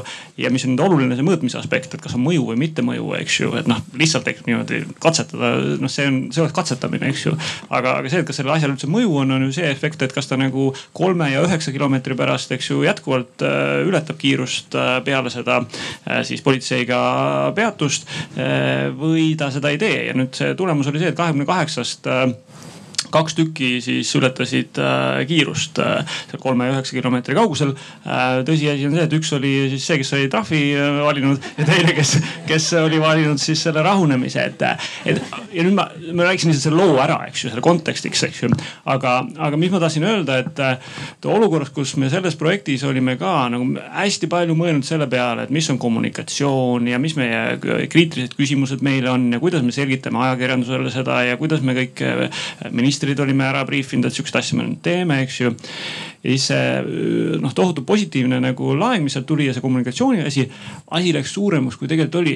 mina küll ei usu, et noh, et ma kirjutaks täna alla veel, et see on nagu väga ägedalt mõjus nagu uus poliitikameede, eks ju, rakendamiseks. et, et see kommunikatsiooni aspekt ongi niimoodi, et me oleme antud juhul nagu asja noh, ütleme niimoodi, et suuremaks ja kenamaks rääkinud, kui ta võib-olla tegelikult on. ma räägin siia lõppu veel ühe loo, et, et kui te selle rahunemispeatusega katsetasite, siis mul tuli meelde, et see oli nüüd aastate eest, kui Saksamaal üritasid poliitikud äh, kiirteel hakata kiirust piirama no,. mis rahva tervise mõttes on ju igati mõistlik mõte. ja sealt tekkisid tohutud protestid ja siis ma kuskilt Saksa kanali pealt äh, nägin bensiinijaamas selliseid tõeliselt nagu ärritunud sakslasi, kes nagu skandeerisid, et freies land, freie fahrt. et noh, et asi, mis meie ühiskonnas on nagu, nagu kiirusepiirang on täiesti arusaadav, onju, aga seal ühiskonnas oli see midagi täiesti vastuvõetamatut. et noh, see ongi see minu tänane sõnum, et üks, mis ühes ühiskonnas on toimiv ja aktsepteeritav, ei pruugi seda olla teises ühiskonnas see kommunikatsiooni teema on huvitav, see tuleb ka sealt Soome kodanikupalga eksperimendist väga selgelt esile, sest et ma sain aru, et neid samu inimesi intervjueeriti seal korduvalt ja korduvalt, et noh, et siis on küsimus, et kas, kas see mõju võis tulla ka sellest kommunikatsioonist endast või sellest nii-öelda tähelepanust endast või oli see seesama raha natukene, mida nad siis pikemalt said, kui nad tööle läksid. või et, et mul on Äh, käin siit vestluselt vestlusele, üritan, eks ole, ka nihukest nagu äh, agendat ajada, et, äh, et see teadusrahastus uuesti, et psühholoogid on ka suhteliselt seal all ja, ja et mul on õudselt hea meel kuulda, ütles järjest me jõuame nende teguriteni, mida, mida üks psühholoogia tudeng õpib, et kui sa tahad läbi viia kvaliteetset, valiidset eksperimenti, millega sa pead arvestama. näiteks sa pead arvestama sellega, et kui su katsesikud on teadlikud äh, sellest, äh, mis toimub, et see võib mõjutada käitumist. Ja, ja on mitmeid klassikalisi näiteid, vist üks, üks klassikalisemaid on selline, kus siis viidi kuskil organisatsioonis läbi mingisugune selline, see on ka üks koht, kus erasektor tegelikult teeb selliseid eksperimente, et tööviljakust suurendada. Ja, ja jagati kenasti hästi kontrollrühma ja, ja katserühma ja ainult katserühmale seal ma ei, absoluutselt ei mäleta, mingid kõvemad pirnid pandi lakke. aga mõlemat rühma mõõdeti, äh, nendega vesteldi, neilt küsiti, kuidas elu on. Äh, ja selgus, et mõlema rühma heaolu ja tööprodukt, tööviljakus kasvas. Äh, kasvas lihtsalt sellepärast, et keegi küsis neilt midagi, et, et kuidas elu on. ehk siis, et sellise valiidse eksperimendi läbiviimine, mis tõesti annab infot, on, on tõesti üsna riukalik. ja, ja niipea, kui see on täiesti avalikus ruumis, hakkavad mängima kõik sellised nagu kolmanda ja neljanda järgu efektid, et, et mis see avalik foon üldse saab olema aga nüüd on vahepeal õige aeg küsida, et kas publikul on ja. küsimusi tekkinud? seal on üks küsimus et aitäh hästi põneva, põneva käsitluse eest, aga mulle tundub, et selles jutus oli ikkagi äh,, käidi üle kahte erinevat tüüpi eksperimente, eks ole. võtame nüüd see Soome niinimetatud kodanikupalga eksperiment, kuigi ma kahtlustan, et seal olid ka elamislubadega inimesed äh, kaasatud, töötud. ikkagi kindlas sihtgrupis äh, oli ju juhuvalim, eks ole, aga nüüd seesama rahunemispeatus. siin ju tegelikult inimesel oli ju valida, kas trahv või nelikümmend viis minutit, oli ju nii, eks ole. et kas nüüd see loogika, ütleme selliste tõesti statistiliselt representatiivsete mingi sihtgrupi juhuvalimite ja inimese enda vabal valikul põhineva eksperimendi valimi vahel. kas siin ka ei ole mingid erinevad loogikad, noh võtame, kui ma nüüd arendaks seda äh, rahunemispeatuse ideed edasi, äh, haakudes ka nüüd selle Saksamaa kiirteedega. et järsku siis ongi nii, et üks tulemus võib olla see, et nendel, kellel äh, aeg ei ole nii väga raha ja kes lihtsalt niimoodi lustist ületasid kiirust, need võtavad tulevikus rahunemispeatuse ja need, kellel tõesti oli vaja täpselt kuhugi jõuda ja kellel on palju raha, neile võiks tulevikus kehtestada kõrgemad trahvid. ütleme liikluse teemas on selles mõttes on nagu äh, põnev nagu vaadata erinevate riikide neid äh, näiteid ja, ja noh, see, see mudel mõjutustest on väga-väga nagu kirju. et on väga palju riike, kus nagu usutakse näiteks sihukesesse veapunkti süsteemi, et sa korjad nagu mingi koguse endal nagu vigasid, eks ju kokku ja siis sealt tekib nagu see mõju. ehk siis üritatakse psühholoogiliselt mõjutada äh, noh nagu vältida selle punktide kogunemist kui sihukest, eks ju. Eestis täna seda ei ole on küll nagu ütleme teatud noh kokkulepe, et sinna suunas võiks nüüd liikuda ja sihukese asja võiks nagu äh siis äh, eksperimenteerida sest et, äh, sest kehtiv õigus seda täna ei võimalda ju, eks ju. aga noh, ma arvan, et seal tasuks teha ennem eksperiment, teha siis seadus, mis seda võimaldaks ja siis teha eksperiment, et kas see nagu mõjub. et, äh, et sest, et jällegi, kui me teeme seda nagu suurelt nagu rullime kõikidele peale, eks ju, siis noh, me tegelikult ei tea, kas ta nagu mõjutab nagu rohkem kui tänane trahvisüsteem. -hmm. no ma arvan, et võib-olla lihtsalt kommentaariks selleks eksperimendi disainist, et, et võib-olla ei olnud puhas eksperiment et kindlasti mitte, et rahunemispeatus, et kui me reaalselt teeksime sellist äh, rahunemispeatumise eksperimenti ja, ja seaduslikult oli see lubatud, oleks lubatud seda läbi viia, siis võib-olla üks, üks grupp juhu, juhuslikke inimesi, kes nii-öelda kinni peeti, et nemad saavadki rahunemispeatusi, ei saa ju, saa mingisugust valikut. saavad rahuneda, teised saavad trahvi või nii-öelda olukorras nii-öelda kontrollrühmas. ja see eesmärk ise ei ole mitte teha mugavaks asja, vaid vaadata seda, et kui ta nüüd rahunesid, et kas ta nüüd edaspidi viimase nii-öelda kuue kuu jooksul või aasta jooksul või kahe aasta jooksul, kas ta ületas veel kiirust või ületanud. et kumb oli siis mõjusam, et kas mõjusam oli siis nii-öelda rahuneda ja, ja siis vaadata ka seda, et mis sihtgruppidele mida mõjus. et me ei taha seda, et nii-öelda, et kiire on, ma maksan trahvi ja lähen edasi. et see ei ole see põhimõte, et ikka on see, et noh, et kui selle kiirele inimene see nii-öelda, nii-öelda mõjus see rahunemine ja jäi ka pikaks ajaks meelde, et ta siis rohkem kiirust ei ületaks. et äh, sellepärast on ka oluline neid eksperimente hästi disainida, et me saame selle info sealt kätte just ma hästi päri sinuga, sest nagu ega ju avalikus halduses me ei toimi ju mingil muul eesmärgil, me noh väga suurel määral me üritame mõjutada inimesi ja nende käitumist. et äh, ja, ja, ja regulatsioonid mõnes mõttes hoiavad inimesi teatud kuskil nagu raamidesse või me usume, et nad hoiavad seal raamides. aga, aga tihtipeale me näeme, et seda ei ole ja siis me otsime nagu uusi viisi, kuidas mõjutada. ja noh, mina näen küll, et, et avaliku halduse üks suur-suur võimalus on just see, et äh, tuua rohkem sisse sihukest käitumispsühholoogia ja käitumisteaduse nagu, äh, nagu tarkust ja seda küll nendesse emailidesse, kirjadesse ja, ja samuti ka sellistesse nagu mõjutusviisidesse nagu hoopis äh, nagu rahunemine. antud juhul me oleme rääkinud hästi palju karistusest, eks ju, aga karistus on nagu ennist ka Külli ütles, eks ju, et, et, et, äh, et surmanuhtlus või eluaegne vanglakaristus on mõjutusviis ju tegelikult, eks ju, mõnes mõttes, eks ju. tõsi jah, ilmselt mitte siis, mitte siis ähm, jah, ühesõnaga asja eesmärk on mõjutada ja äh, siitpoolt üks äh, mitu mõtet, et esiteks olles selle rahunemispeatuse disaini juures, siis lihtsalt see, mis sa kirjeldasid, see oli meie algne soov. Kuidas me päriselt teda tahtsimegi teha äh,, ehk siis ilma valikuta ja, ja kõik, aga kogu juriidiline andmekaitseline maailm äh, tuli meile vastu ja me siis valiku andmise oli sihuke võimalikult tehtav asi, mis, mida sai teha. aga siin veel selle, mis puudutab selle üle, et ka, mis nagu töötab üldse avalikus sektoris ja mitte. tekkis ka selline lihtsalt mõte, et näiteks täna meil on üldine kuskilt tulnud eeldus, et trahv töötab ehk siis me täna kasutame, oleme seadusse kirjutanud, et teeme trahvi, noh, mitte ainult liikluse puhul, vaid ükskõik mingiste riiklike rikkumiste puhul. kuigi me tegelikult ma arvan, et kui me paljudele neist teeks eksperimendid peale, siis need ütleks meile, et see trahv ei tööta ja, aga me kasutame neid ikka, suur osa meie riigist on üles ehitatud nagu karistamisel trahvidele, kuigi me tegelikult ei tea, kas nad töötavad või mitte.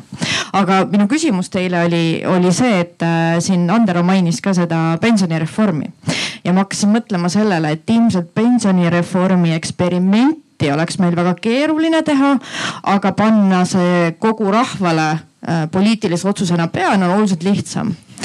Ehm, ja siit tekibki küsimus, et kas kas see on, kas nii peaks olema, et iseenesest, et, et kui me tahaks näiteks täna teha pensionireformile eksperimenti või näiteks oleks aastad tagasi tahtnud teha tasuta kõrgharidusele eksperimenti, eh, siis, siis meil ilmselt oleks olnud seda väga keeruline teha väga paljudel eh, põhjustel. aga seadusmuudatusena, eh, et lihtsalt teeme sellise poliitika, see ilmselt läheb palju paremini ja mu küsimus on, kumb teeb rohkem kahju või kasu? On see küsimus mina võin nagu niikaua, kui teised mõtlevad, ma võin öelda, et, et teadlasena muidugi äh, minul läksid kohe kõrvad äh, püsti selle pensionireformi peale, sest äh, teatud mööndustega võib eksperimendiks lugeda ka näiteks seda, et Eesti teeb lolluse ja Läti ei tee. ja, ja seda on võimalik analüüsida. jah. jah niikaua kui mikrofon sinna jõuab, siis äh, ma ütleks, et, et seal ongi nagu raske piiri tõmmata, et mis on juba väga pikaajaline eksperiment ja mis on lihtsalt selline läbimõtlemata poliitika, et noh, ka demokraatial on oma head ja vead.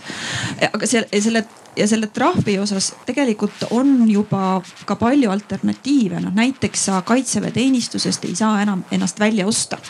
vaid seal on sul juba juhilubade peatamised, igasugused muud nii-öelda mõjutusmeetmed trahvi kõrvale juurde mõeldud panelistid on äh, päris palju rääkinud sellest, äh, kuidas seda riiki paremaks teha. eraettevõtluses, äh, startup ides eelkõige tehakse neid eksperimente iga päev, vahel isegi mitu tükki, seda kutsutakse AB testimiseks. enamasti seda tehakse selleks, et leida nagu parim vahend, kuidas konkurentsis võitjaks tulla.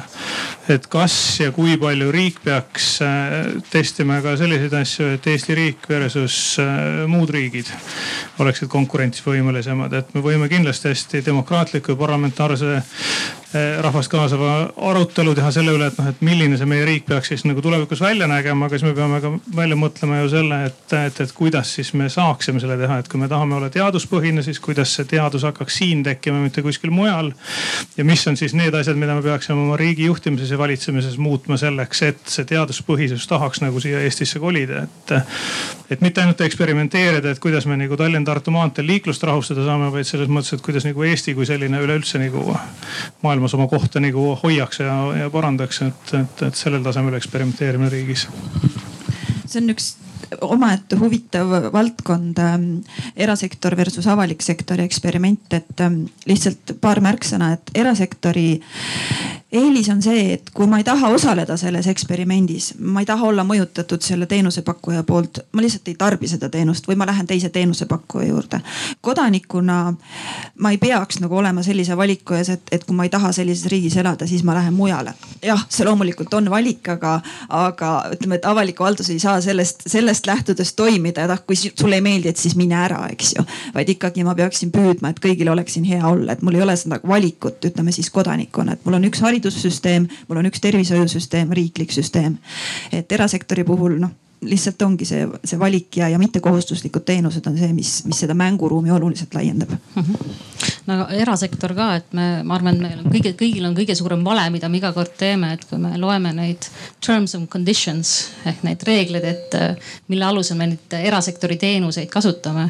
kui me klikime sinna, et jah, me lugesime selle läbi, mis meelega tehakse. no mina, mina tõesti, ma arvan, et me ühtegi neist ei ole läbi lugenud. meil on selline informeeritud nõusolek, et Amazon minuga seitse eksperimenti päevas teeb, et, et see on ka nii-öelda väga debateeritav, et, et kas ma olen reaalselt nõus või ei ole. ja võib-olla kommentaariks siin selle pensionireformi ja nende nii-öelda praakpoliitikate ole, et, et kahjuks nad ei ole ikkagi eksperimendid, et ja see on võib-olla mingisugune tobe katsetus, et kas töötab või ei tööta, siis seitse aastat hiljem vaatame, teeme ümber. et me ei teadnud, kas läheb nii-öelda lappama või ei lähe, aga et me proovime aga noh, selline proovimine eriti väga suurte asjadega on väga kallis et, et see läheb nagu väga kalliks kätte, et kas teha mitte või niimoodi poliitikat teha või noh puhtast teadmatusest poliitikat teha, et, et see läheb kõigile meile väga palju maksma. Ja pärast on väga valus, kui läheb jube palju maksma ja ei toimi jah, et eks ei taha osaleda selles, eks äh, nii-öelda, et noh, et riigil on kahjuks see võimalus, et, et ma ei tee eksperimente, aga ma ütlen, et kõik nüüd laus, te olete meil laus ja nüüd me, ma, ma ei tea, kas toimib, aga me teeme ikka ära ja ma usun sellesse. et noh, et siis ma nagu natuke olen natukene võib-olla kriitiline selles, et see ei ole hea poliitika kujundamine, et kui selliseid asju tehakse äh tegelikult täpselt sellest teemast äh, hakkasitegi paneelis rääkima, kuhu ma tahtsin jõuda, mida ma väga lootsin kuulda, kui ma tulin siia arutelule. eksperimendid, mis on päriselt nii-öelda läbi viidud seaduse jõustamise korras, äh, mida nähakse ka ministeeriumi enda poolt eksperimendina. konkreetne seadus, mida te ka juba mainisite, tasuta kõrgharidus. Äh, mul oli hea või halb õnn olla täpselt tol hetkel tudengi esindaja riiklikul tasemel, kui läks jutt nii-öelda uute õppetasude peale ja selle peale, et, et kõrghariduse reform jõustus aasta enne kui õppetoetuste reform ehk siis aasta aega tudengeid jäid toetusest ilma. mille peale minister ütleb, noh siis jäävad rongi alla mulle, meile kui tudengitele serveeriti mitmel korral, et aga see ongi eksperiment Äh, niimoodi seaduste tegemine käibki ja kui teil läheb halvasti, siis noh, läks halvasti, see on nii-öelda ühiskondlik taak, mida me peame kandma, ehk siis need tudengid, kes läksid õppima ja jäid rongi alla, pidid kandma. Äh, mida arvad, arvata poliitilistest eksperimentidest kui sellistest halvasti läinud poliitikate serveerimisest kuidagi paremini? Külli kasutas enne terminit indulgents selle kohta, et see vist on suurepärane näide sellest, kuidas keegi kasutab eksperimendi terminit indulgentsiks lihtsalt nagu kehvale poliitikakujundusele. ja kui saaks mingi pealkirja praegu siia tekitada, et eksperiment ei tähenda halba poliitika kujundamist või siis ütleme niimoodi, halb poliitika kujundamine ei ole eksperiment, vastupidi nii, Jan Järve, minu nimi Eesti Rakendusuuringute Keskusest Center, meie teeme mõjuanalüüse. iga, igasuguseid oleme teinud aastaid juba ja paar mõtet sellest, et esiteks mul on selline tunne, mis puudutab kogu seda eksperimentide noh, seda poolt, et need peavad metoodiliselt olema hästi paigal ja regulatsioon peab selles mõttes olema paigas, et kuidas me seda teeme, see on kindlasti hästi oluline. mis nüüd teisalt on minu arust hästi oluline, on see, et mulle tundub, et me riigijuhtimisel vajame oluliselt rohkem eksperimente, kui me täna teeme ja ühel põhjusel, mis võib-olla on natuke vähe kajastust saanud hetkel. see on mõjuhinnangute adekvaatsus sest on osad asjad, mida me muude meetoditega mõju hindamisel nagu, me ei saa nagu seda korralikku mõju kätte, et ma toon ühe näite. aasta oli siis kaks tuhat kaksteist ja me tegime uuringut, mis hindas äh, Töötukassa poolt rakendatavat palgatoetust. palgatoetus on täitsa okei okay meede ja seda rakendatakse praegu ja, ja ma arvan, et see selles mõttes palun mitte võtta seda kui mingisugust äh, kriitikat selles suunas, aga, aga mõõtmistehniliselt, et me saaks aru, mis asi see siis on noh, palgatoetus on põhimõtteliselt toetus, mida makstakse siis äh, olukorras, kus äh, töötaja ja tööandja on ennast siis nii-öelda leidnud ja pikaajaline töötu siis läheb tööle. et siis ta saab äh, töötukassa poolt sellist täiendavat hüvitist, osa nendest palga, palgakuludest, mis on, kaetakse ära põhimõtteliselt. kui suur see summa on, see on aeg-ajalt ikka kõikunud ja ei ole tähtis. nüüd on küsimus, et kui mõjus meede see on. noh, kuidas me seda mõjusust ja sotsiaalmajanduslikku tasuvust tavaliselt hindame, on see, et eks me siis loeme kokku need, kes lähevad uksest sisse, eks ole, või sellesse meetmesse sisse, konstrueerime mingisuguse kontrollgrupi soo, vanuse, hariduse, ma ei tea, kõigi muude taustatunnuste, mida me näeme mille kohta on andmed olemas andmebaasil, eks ole, järgi. püüame leida täpselt sarnased ja siis vaatame, et noh, mis neist seal kahe aasta pärast sai. Mm, niisugune natukene nagu sellisel moel, nagu sa kirjeldasid, eks ole, et kuidas seda. ja iseenesest see meede, mõjuhinnang on suurepärane üks euro sisse, seitse eurot välja no minu arust kogu riigieelarve võiks sealt läbi kärutada, see oleks nagu päris, äh, päris, päris, päris hea tootlus, ütleme siis niipidi. aga kui me mõtleme selle mehhanismi peale, kuidas see tegelikult töötab, see töötab sedapidi, et äh, töötukassa võib küll ja tööandjad on partnerluse korras seal äh, leia-, aitavad selles protsessis kaasa, kuid päris lõpus tööandja valib endale selle töötu, kelle ta on nõus tööle võtma. ja mingil põhjusel ta ju selle valib. Teist ta ju ei vali, eks ole. ja seda, mis seal laua taga nüüd toimub, eks ole, kui nad seal arutasid, rääkisid, kas see härrasmees või, või proua, kes iganes sinna läks, oli ta siis sihuke viks ja viisakas, kes riided olid kõik kenasti, olid need selga pandud või ei olnud. kas ta oli enne alkoholi tarvitanud, ei olnud, seda kõike me tegelikult ei näe et meie näeme ainult seda, et mis ta sugu, vanus, haridus oli ja kus ta võib-olla enne töötas ja midagi sihukest veel, eks ole. nüüd kui me mõtleme selle peale, kui me tahaksime seda päris mõju teada, eks ole, siis ja kuidas me seda eksperimenti võib-olla teeksime. noh, üks võimalus, kuidas seda teha, olekski see, et me käseksime sel tööandjal valida välja kaks tükki ja siis viskaksime kulli kirja saateis ei saa, üks läheb kontrollgruppi, teine ei lähe, eks ole. juhuslikkus, see eksperimendi mehhanism on siis seesama juhuslikkus aitabki meil siis kõiki neid muid asju arvesse võtta, kui me piisavalt palju, piisavalt suured grupid saame, eks ole. siis me suudame kuidagi kõik need muud asjad keskmistuvad välja, eks ole, ja sihukest süstemaatilist erinevust kahe grupi vahel ei ole. see kahjuks ei ole mitte ainult selle meetme nagu võib-olla see identifitseerimisprotsess, mida ma kirjeldasin, on sellele meetmele iseloomulik. aga just see juhuslikkuse mõju mõju hindamisel, noh nii-öelda selle mõju puhastamisel et ma arvan, et see on päris tähtis. ja, ja meil on päris palju mõjuhinnanguid, ma arvan, ringlemas, kus meil tegelikult on mõjud päris suuresti ülehinnatud. tulenevalt sellepärast siis vot, et kas ongi tegelikult valitakse parimaid tööandja poolt või teisipidi. koolitusele lähevad need, kes on tublimad ja ragimad ja arvavad, et noh, peab ikka endaga tegelema, eks ole, ja need, kes ei viitsi väga endaga tegeleda, need sinna ka ei jõua ja.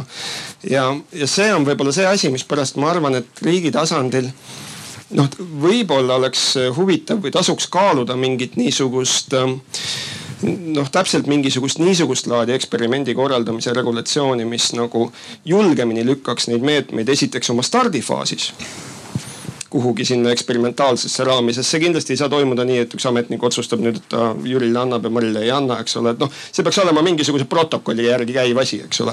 aga see võiks olla sage, see võiks olla kõigi meetmetega suuresti nii, et kui me neid alustame, siis kõigepealt istume korra maas, mõtleme, kas on mingi eksperimentaalne disain võimalik. selleks, et me suudaksime enam-vähem ära hinnata, mis selle asja nagu mõju suurusjärkudes on. kui on okei okay,, siis läheb käiku. ja teine asi, mis on samuti oluline, on see, et eksperimendi puhul kindlasti on oluline aju, ajutusus. aga teine asi on ka see, et, et mõjud ei ole ajas samad. et kui me alustame, siis ta on ühtemoodi. kas seesama meede töötab ka majanduskriisi ajal? et siis see peaks olema võimalik mingil hetkel nagu see eksperimentaalsus korraks nagu taastada me saaks korra seal läbi mängida, uuesti vaadata, okei okay,, majanduskriisi ajal paistab ka töötavat või majanduskriisi ajal sihukest meedet pakkuda ei ole mõtet. vot sihukesed mõtted, mul ei olegi võib-olla küsimus, küsimust on võib-olla niipidi, et noh, et, et kas selle peale on mõeldud ja, ja kui ei, siis äkki võib-olla oleks midagi sellist võimalik, mis kuidagi nagu niimoodi võimaldaks seda teha. aitäh. keegi soovib panelistidest kommenteerida midagi? kõigega nõus sama siin. ma arvan, et see raamistik on kindlasti vajalik, et et muidu me ainult noh loeme ka artikleid ajakirjast, et äh, miks need ametnikud küll mõistlikud ei ole. miks nad teevad nii mõttetuid asju või teevad äh, asju noh, teevad inimestele elu raskeks või rakendavad poliitikat, millel mõju ei ole.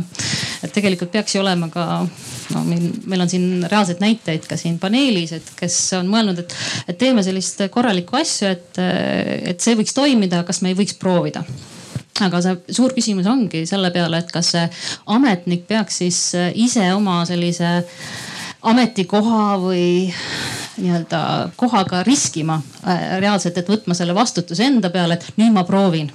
või peaks seal olema ka mingisugune toetav õiguslik raamistik, mis ütleb, et vot sellistes tingimustes võid proovida. Äh, sellistes tingimustes pead minema nii-öelda mingisuguse komisjoni juurde, kus on andmekaitse või õiguskantsler koos. või hoopis sellistes tingimustes pead üldse parlamendi juurde minema ja, ja esitama ka sellise seaduse muutmise ettepaneku et, et, et lihtsalt, et lasta olla sellisel nii-öelda, et nii-öelda ametnike enda initsiatiivil, et vaadata seda, et kuidas mõjusat poliitikat ette teha, et, et see ei ole ka võib-olla mõttekas ja mõjus ma, jumala pärisuga ja, ja, ja, ja sihukene nagu abc asjad, mis me täna oleme palju rääkinud, minu meelest oleks, oleks äh, väärt äh, kirjapanemist. muidugi võib ka teha omakorda eksperimendi otsa, et, et mõju viieleheküljelise juhise puhul ja viiekümne leheküljelise juhise puhul. Ähm, enamus, kes on ametnikud, ilmselt teavad, et see viimase puhul ilmselt äh, mõju oleks väga väike. et ja ilmselt ka tavainimeste puhul. aga, aga sellest ma arvan, et oleks abi, Piret. väga, väga minu arust tark tähelepanek. sest et tõepoolest ühe, üks ots on see, et kus me räägime neid lugusid, eks ju, Maksu- ja Tolliameti lugu siin siseministeeriumi ja Politsei- ja Piirivalveameti lugu. mina ise katsetasin äh, kaks tuhat neliteist aastal äh, emaili teavituses äh, siis juhiloa aegumise kohta. saatsime iga nädal välja neid siis Maanteeametist ja, ja mingisugune kuus tuhat tükki nädalas. ja tekst oli klassikaline, tulge tehke ikka e-teenindusesse uuendamine ja, ja, ja see on soodsam ja puha, kõik sihuke käitumispsühholoogia nagu siuksed lihtsustuse mõjutused panime sisse. ja siis vaatan, et pagan, et ikka nad sinna e-teenindusse ei tule, et iga nädal jälgime, seirame, ikka nad nagu vähe veel tulevad. ja siis ma olin tol ajal lugenud äh, brittide siis eksperimente maksutolli äh, suunas, kus ka selle maksulaekumist suurendada ja siis ma mõtlesin ka, et, et teeks ühe katsetuse, et, et kirjutaks ühe lause nagu juurde, et kolme tuhandel läks vana tekst ja siis kolme tuhandel läks äh, nagu see uus tekst. ja kui varem meil oli niimoodi sihuke seis, et suurusjärgus äh, viiskümmend protsenti siis juhiloa vahetajatest, eks ju, tegi seda e-teeninduses ja viiskümmend protsenti tuli ikka meile füüsilisse büroosse ja noh, see oli meie jaoks kui riigi jaoks oli kulu, et noh, see oli oluliselt kallim transaktsioon ähm, kui siis e-teeninduses toimuv nagu äh, tegevus. ja, ja, ja üks lause siis sai sinna nagu äh, juurde kirjutatud ja siis vaatan otsad kokku, eks ju kolmteist protsendipunkti tõusis, tõusis nagu siuksele kuuekümne kolmele nagu protsendile see, äh, kus oli siis sekkumisgrupp. tõsi, äh, ka siis kontrollgrupp, eks ju, äh, oli siis selline, et neil ka tõusis, neil tõusis seal nagu sihuke viiekümne viie peale.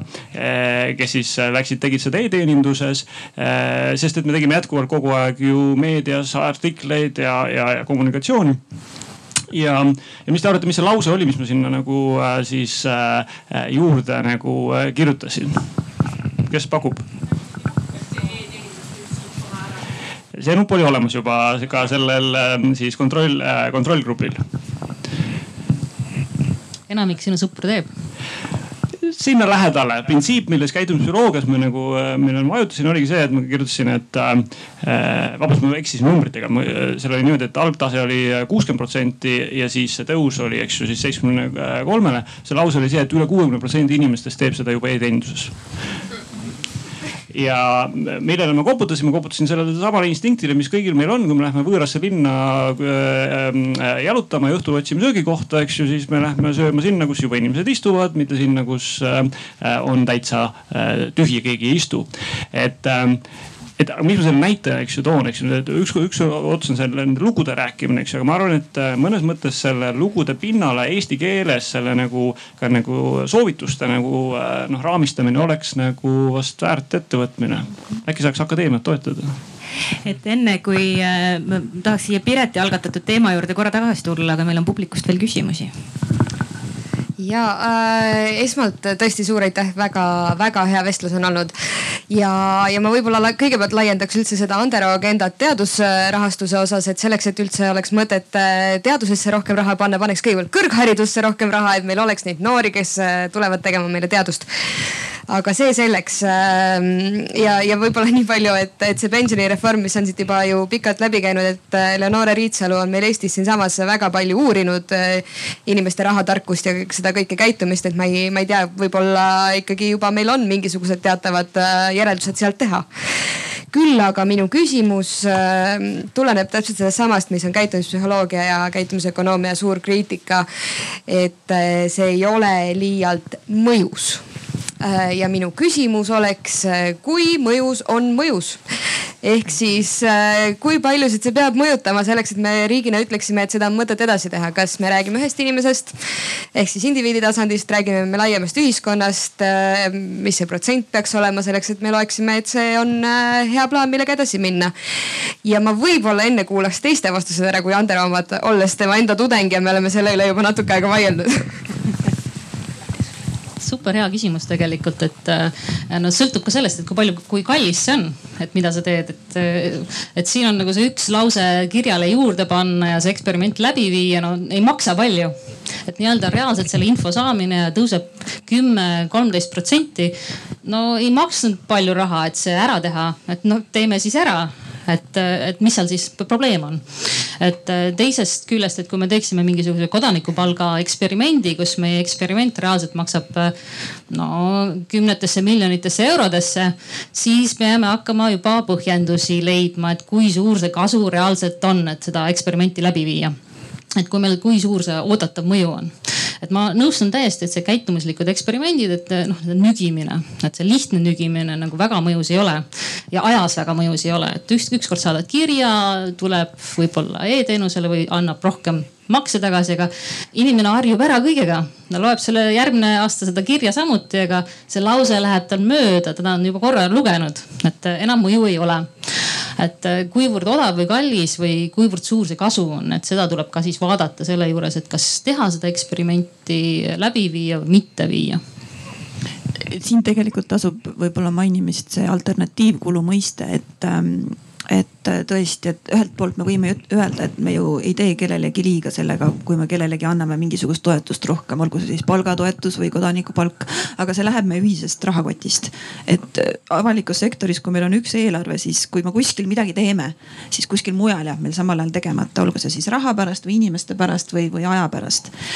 et ähm, et, et jah, et noh, me ei saa nagu lihtsalt niimoodi, niimoodi suhtuda, et, et kellelegi ju nagu halba ei tehta, aga mul selle eelmise jutu peale noh, loomulikult sellise väga numbri inimesena ühelt poolt mul, mul läheb kohe silmad särama sellise nagu sellise päris õige sellise nagu testdisaini peale. aga häda on selles, et ähm, et avalikus sektoris tihtipeale ei jõuta neid äh, päris õigeid tulemusi ära oodata. et nagu tahetakse seda vastust saada kiiremini, sest kui meil valitsuste eluiga noh, varem oli kaks aastat, nüüd noh, jah, nii noh vähem, eks ju. et, et lihtsalt ei jõuta neid õigeid tulemusi paraku ära oodata, et, et kui jõuaks nagu sellest tsüklist eh, nii-öelda välja ja noh, mul, mul endal on endiselt see professionaalne kretinism lugeda neid lõputuid mõjuanalüüse, mis, mis tõestavad seda, et mõju on. nagu kõige muu ees silmad kinni pigistades ja nähes ainult seda ühte lukuauku, eks ju. et, et saaks nagu sellest välja, et, et nagu, et vaadata ka seda muud maailma meie ümber, et kui me alustame, alustasime sellest katseklaasi teemast, siis noh, ühiskonnaga paraku on nii, et, et me ei saa panna seda sinna ühte katseklaasi, et, et neid muid mõjusid on nagu lihtsalt nii-niivõrd palju kogu aeg ümberringi aeg pressib meile armutult peale.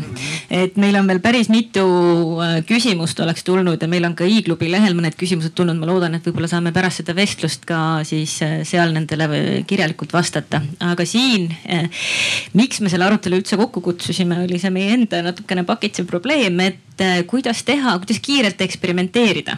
selles mõttes, et siin, mida Külli rääkis, et iga kord peaks nagu parlamendist läbi käima ja nagu Soome teeb, et teeb iga eksperimendi jaoks seaduse et noh, meie sihuke projekt eluiga on keskeltläbi selline üheksa kuud, millest esimese poole me nii-öelda püüame mõista, mis, mis inimestel mureks ja kuidas me saaksime üldse sekkuda ja siis eksperimendi aeg jääb üsna üürikeseks, aga, aga milline võiks olla see raamistik Eestis, et kuidas me saaksime kiirelt katsetada, aga seda nii, et me teeksime seda niimoodi võimalikult eetikanormidega käsikäes ja ei läheks seadustega pahuks sisse no ma võib-olla alustan sellisest rahvusvahelisest foonist äh, ka, et äh, Eesti ei ole ainuke riik, kus on aru saadud, et äh, eksperimenteerimine on tore asi ja, ja sellest võiks saada informatsiooni lisaks, et teha väga mõjusat poliitikat. et mitte nii-öelda see alternatiivkuju on ka, et kui teed nii-öelda praakpoliitikat, siis see kõik raha läheb ju metsa, mis investeeritakse, kui seal poliitikal mõju ei ole. ehk siis tehakse mingisugust reformi, aga mõju ei ole, siis minu raha on ju ka nii-öelda prügikasti läinud. et kui see eksperimenteerimine teadmine ongi selline tore asi, mis annab sulle informatsiooni, et kas on siis mõjus või ei ole mõjus või kas teha või mitte teha et äh, missugune raamistik sellel võiks siis olla. et paar sellist näidet et äh, Kanadas näiteks kaks tuhat kuusteist lõpp, Justin Trudeau tuli võimule ja tema on ka selline teaduspõhine, see põhi, poliitika toetaja. ja tema ütles siis ka riigi, äh, riigiasutustele ja oma siis allasutustele, et saagu olla eksperimenteerimine.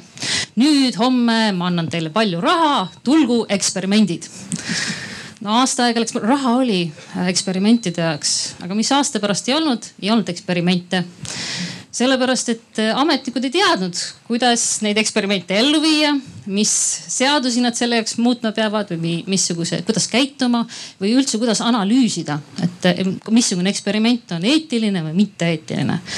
raha, kui oli jalaga segada, aga inimesed lihtsalt ei teadnud, kuidas neid eksperimente ellu viia või missugune see raamistik on ehk siis lihtsalt niisama, et saagu olla ilma igasuguse toetuseta, et, et reaalselt ei toimi. et võime noh sa võid ka sellega eksperimenteerida. Ehk siis tegelikult on vaja toetust ja toetust on vaja ka nendele edumeelsetele ametnikele, kes tahavad teha häid asju. et mina olen rääkinud nii äh, Suurbritannias, Prantsusmaal äh,, Rootsis äh, edumeelsete ametnikega, kes on tõsiselt äh, nagu tegelikult ka läinud mõndil hetkedel selle nii-öelda mitte nii-öelda halli seaduslik, halli seaduse maale, on totaalselt läinud seadusega ka nii-öelda pahuksisse. et nad on tahtnud teha häid asju, eksperimenteerida aga ei ole lihtsalt see nii-öelda juristid on vaidlema jäänud pikaks ajaks ja siis on ühel hetkel otsustada, et ah, teeme lihtsalt ära. ja siis on mõni siis selline edumeelne ametnik siis ka vallandatud ja lahti saadud nendest ja, ja mõni, mõni mõlemal juhul on kõik hästi läinud, et ei olegi midagi, ei olegi kohtuasja juhtunud ja läks asi, asi läks äh, selliselt nii nagu vaja et, äh, et kas me ikkagi tahame sellises nii-öelda olukorras olla, et, et kus äh, ka ametnikel võib olla häid ideid või poliitikutel võib olla häid ideid, aga me lihtsalt ei tea, et kas on mõju või ei ole. et me tahaksime eksperimenti läbi viia, et seal peaks olema mingisugune toetav struktuur ja ma arvan, et need sellised põhiküsimused, põhi nagu komponendid on tegelikult juba läbi käinud tänasest vestlusest.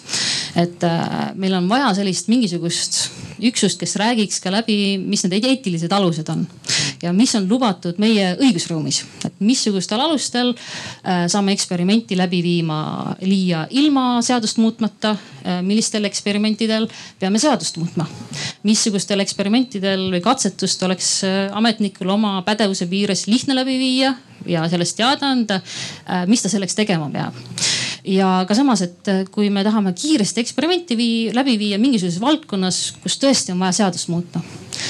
Ja nagu ma olen ka argumenteerinud, et et tegelikult äh, enamikes valdkondades on eksperimendid võimalikud. lihtsalt see kasu peab olema nii-öelda, mis tuleb nendest, peaks olema suurem sellest kahjust, potentsiaalsest kahjust, mida tehakse. et küsimus on selles, et kas meie parlament ka kiiresti järele jõuab sellele et kuidas meie parlament siis neid nii-öelda ühe aasta seaduseid või poole aasta seaduseid reaalselt menetleb. ehk see on siis küsimus ka sellele, et kuidas me selle nii-öelda, nii-öelda struktuuri paika paneme. hästi lühidalt lasen veel kommenteerida, siis me peame kahjuks sellele arutelule joone alla tõmbama. mul on ainult kaks sõnumit. esiteks, ma arvan, et see on müüt, et seaduse tegemine võtab alati kaua aega. seaduseid tehakse ka väga-väga kiiresti, uskuge mind, kuu ajaga tehakse ka seadus ära nagu nipsti. ja, ja küsimus on selles, et kas see nagu soov on nagu teil selge ja kindel. ja kui on hea mõte, siis ma ei ole tegelikult näinud, et midagi oleks nüüd nagu parlamendi taha läinud, sest ega teil eksperimendi ettevalmistamine võtab ka nagunii aega. ja sõnum number kaks, kui on nagu konkreetne idee, mõte tulge rääg, räägime, arutame ja, ja lihtne soovitus inimestelt, kes iga päev, inimeselt, kes töötab iga päev juristidega koos, ärge mitte kunagi küsige juristide käest, et kas tohib. küsige, kuidas tohib et just see, see mõtteviis, et, et kuidas saab, et kui kuidagi ei saa, siis kuidagi äkki ikka saab. ja, ja täiesti seaduslikult saab, et, et lihtsalt mida, mida konkreetsem idee, mida konkreetsem mõte, seda lihtsam on häid soovitusi anda.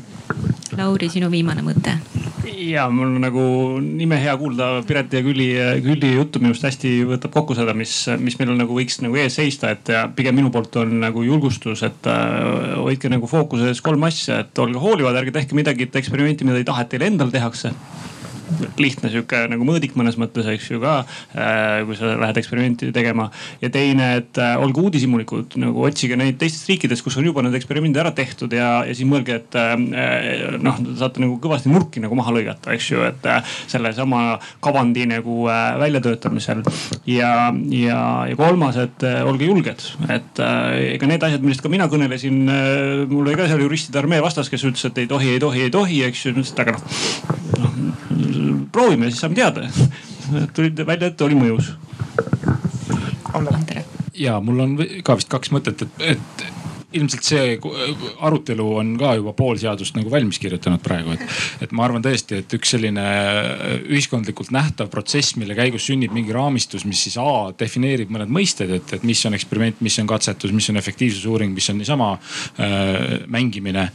ja B võib-olla siis äh, noh nagu valgustab välja selle suhtumise muutuse, millest siin juttu oli, et tõesti, et eksperiment ei ole mingi selline ekstra või eriasi, vaid ta võikski olla loomuliku seaduse, seadusloome ja, ja, ja selle poliitikakujunduse teaduse osa. ja teine sõnum on siis see, et, et, et ega see eksperiment ei ole ka nagu mingi lapsemäng, et selleks on ikka õppinud nagu spetsialiste vaja, et siis sotsiaalteadustele seda teadusrahastust väga hea noot, millega lõpetada suur,. suur-suur aitäh teile ja loodame, et me jätkame selle aruteluga. aitäh, aitäh..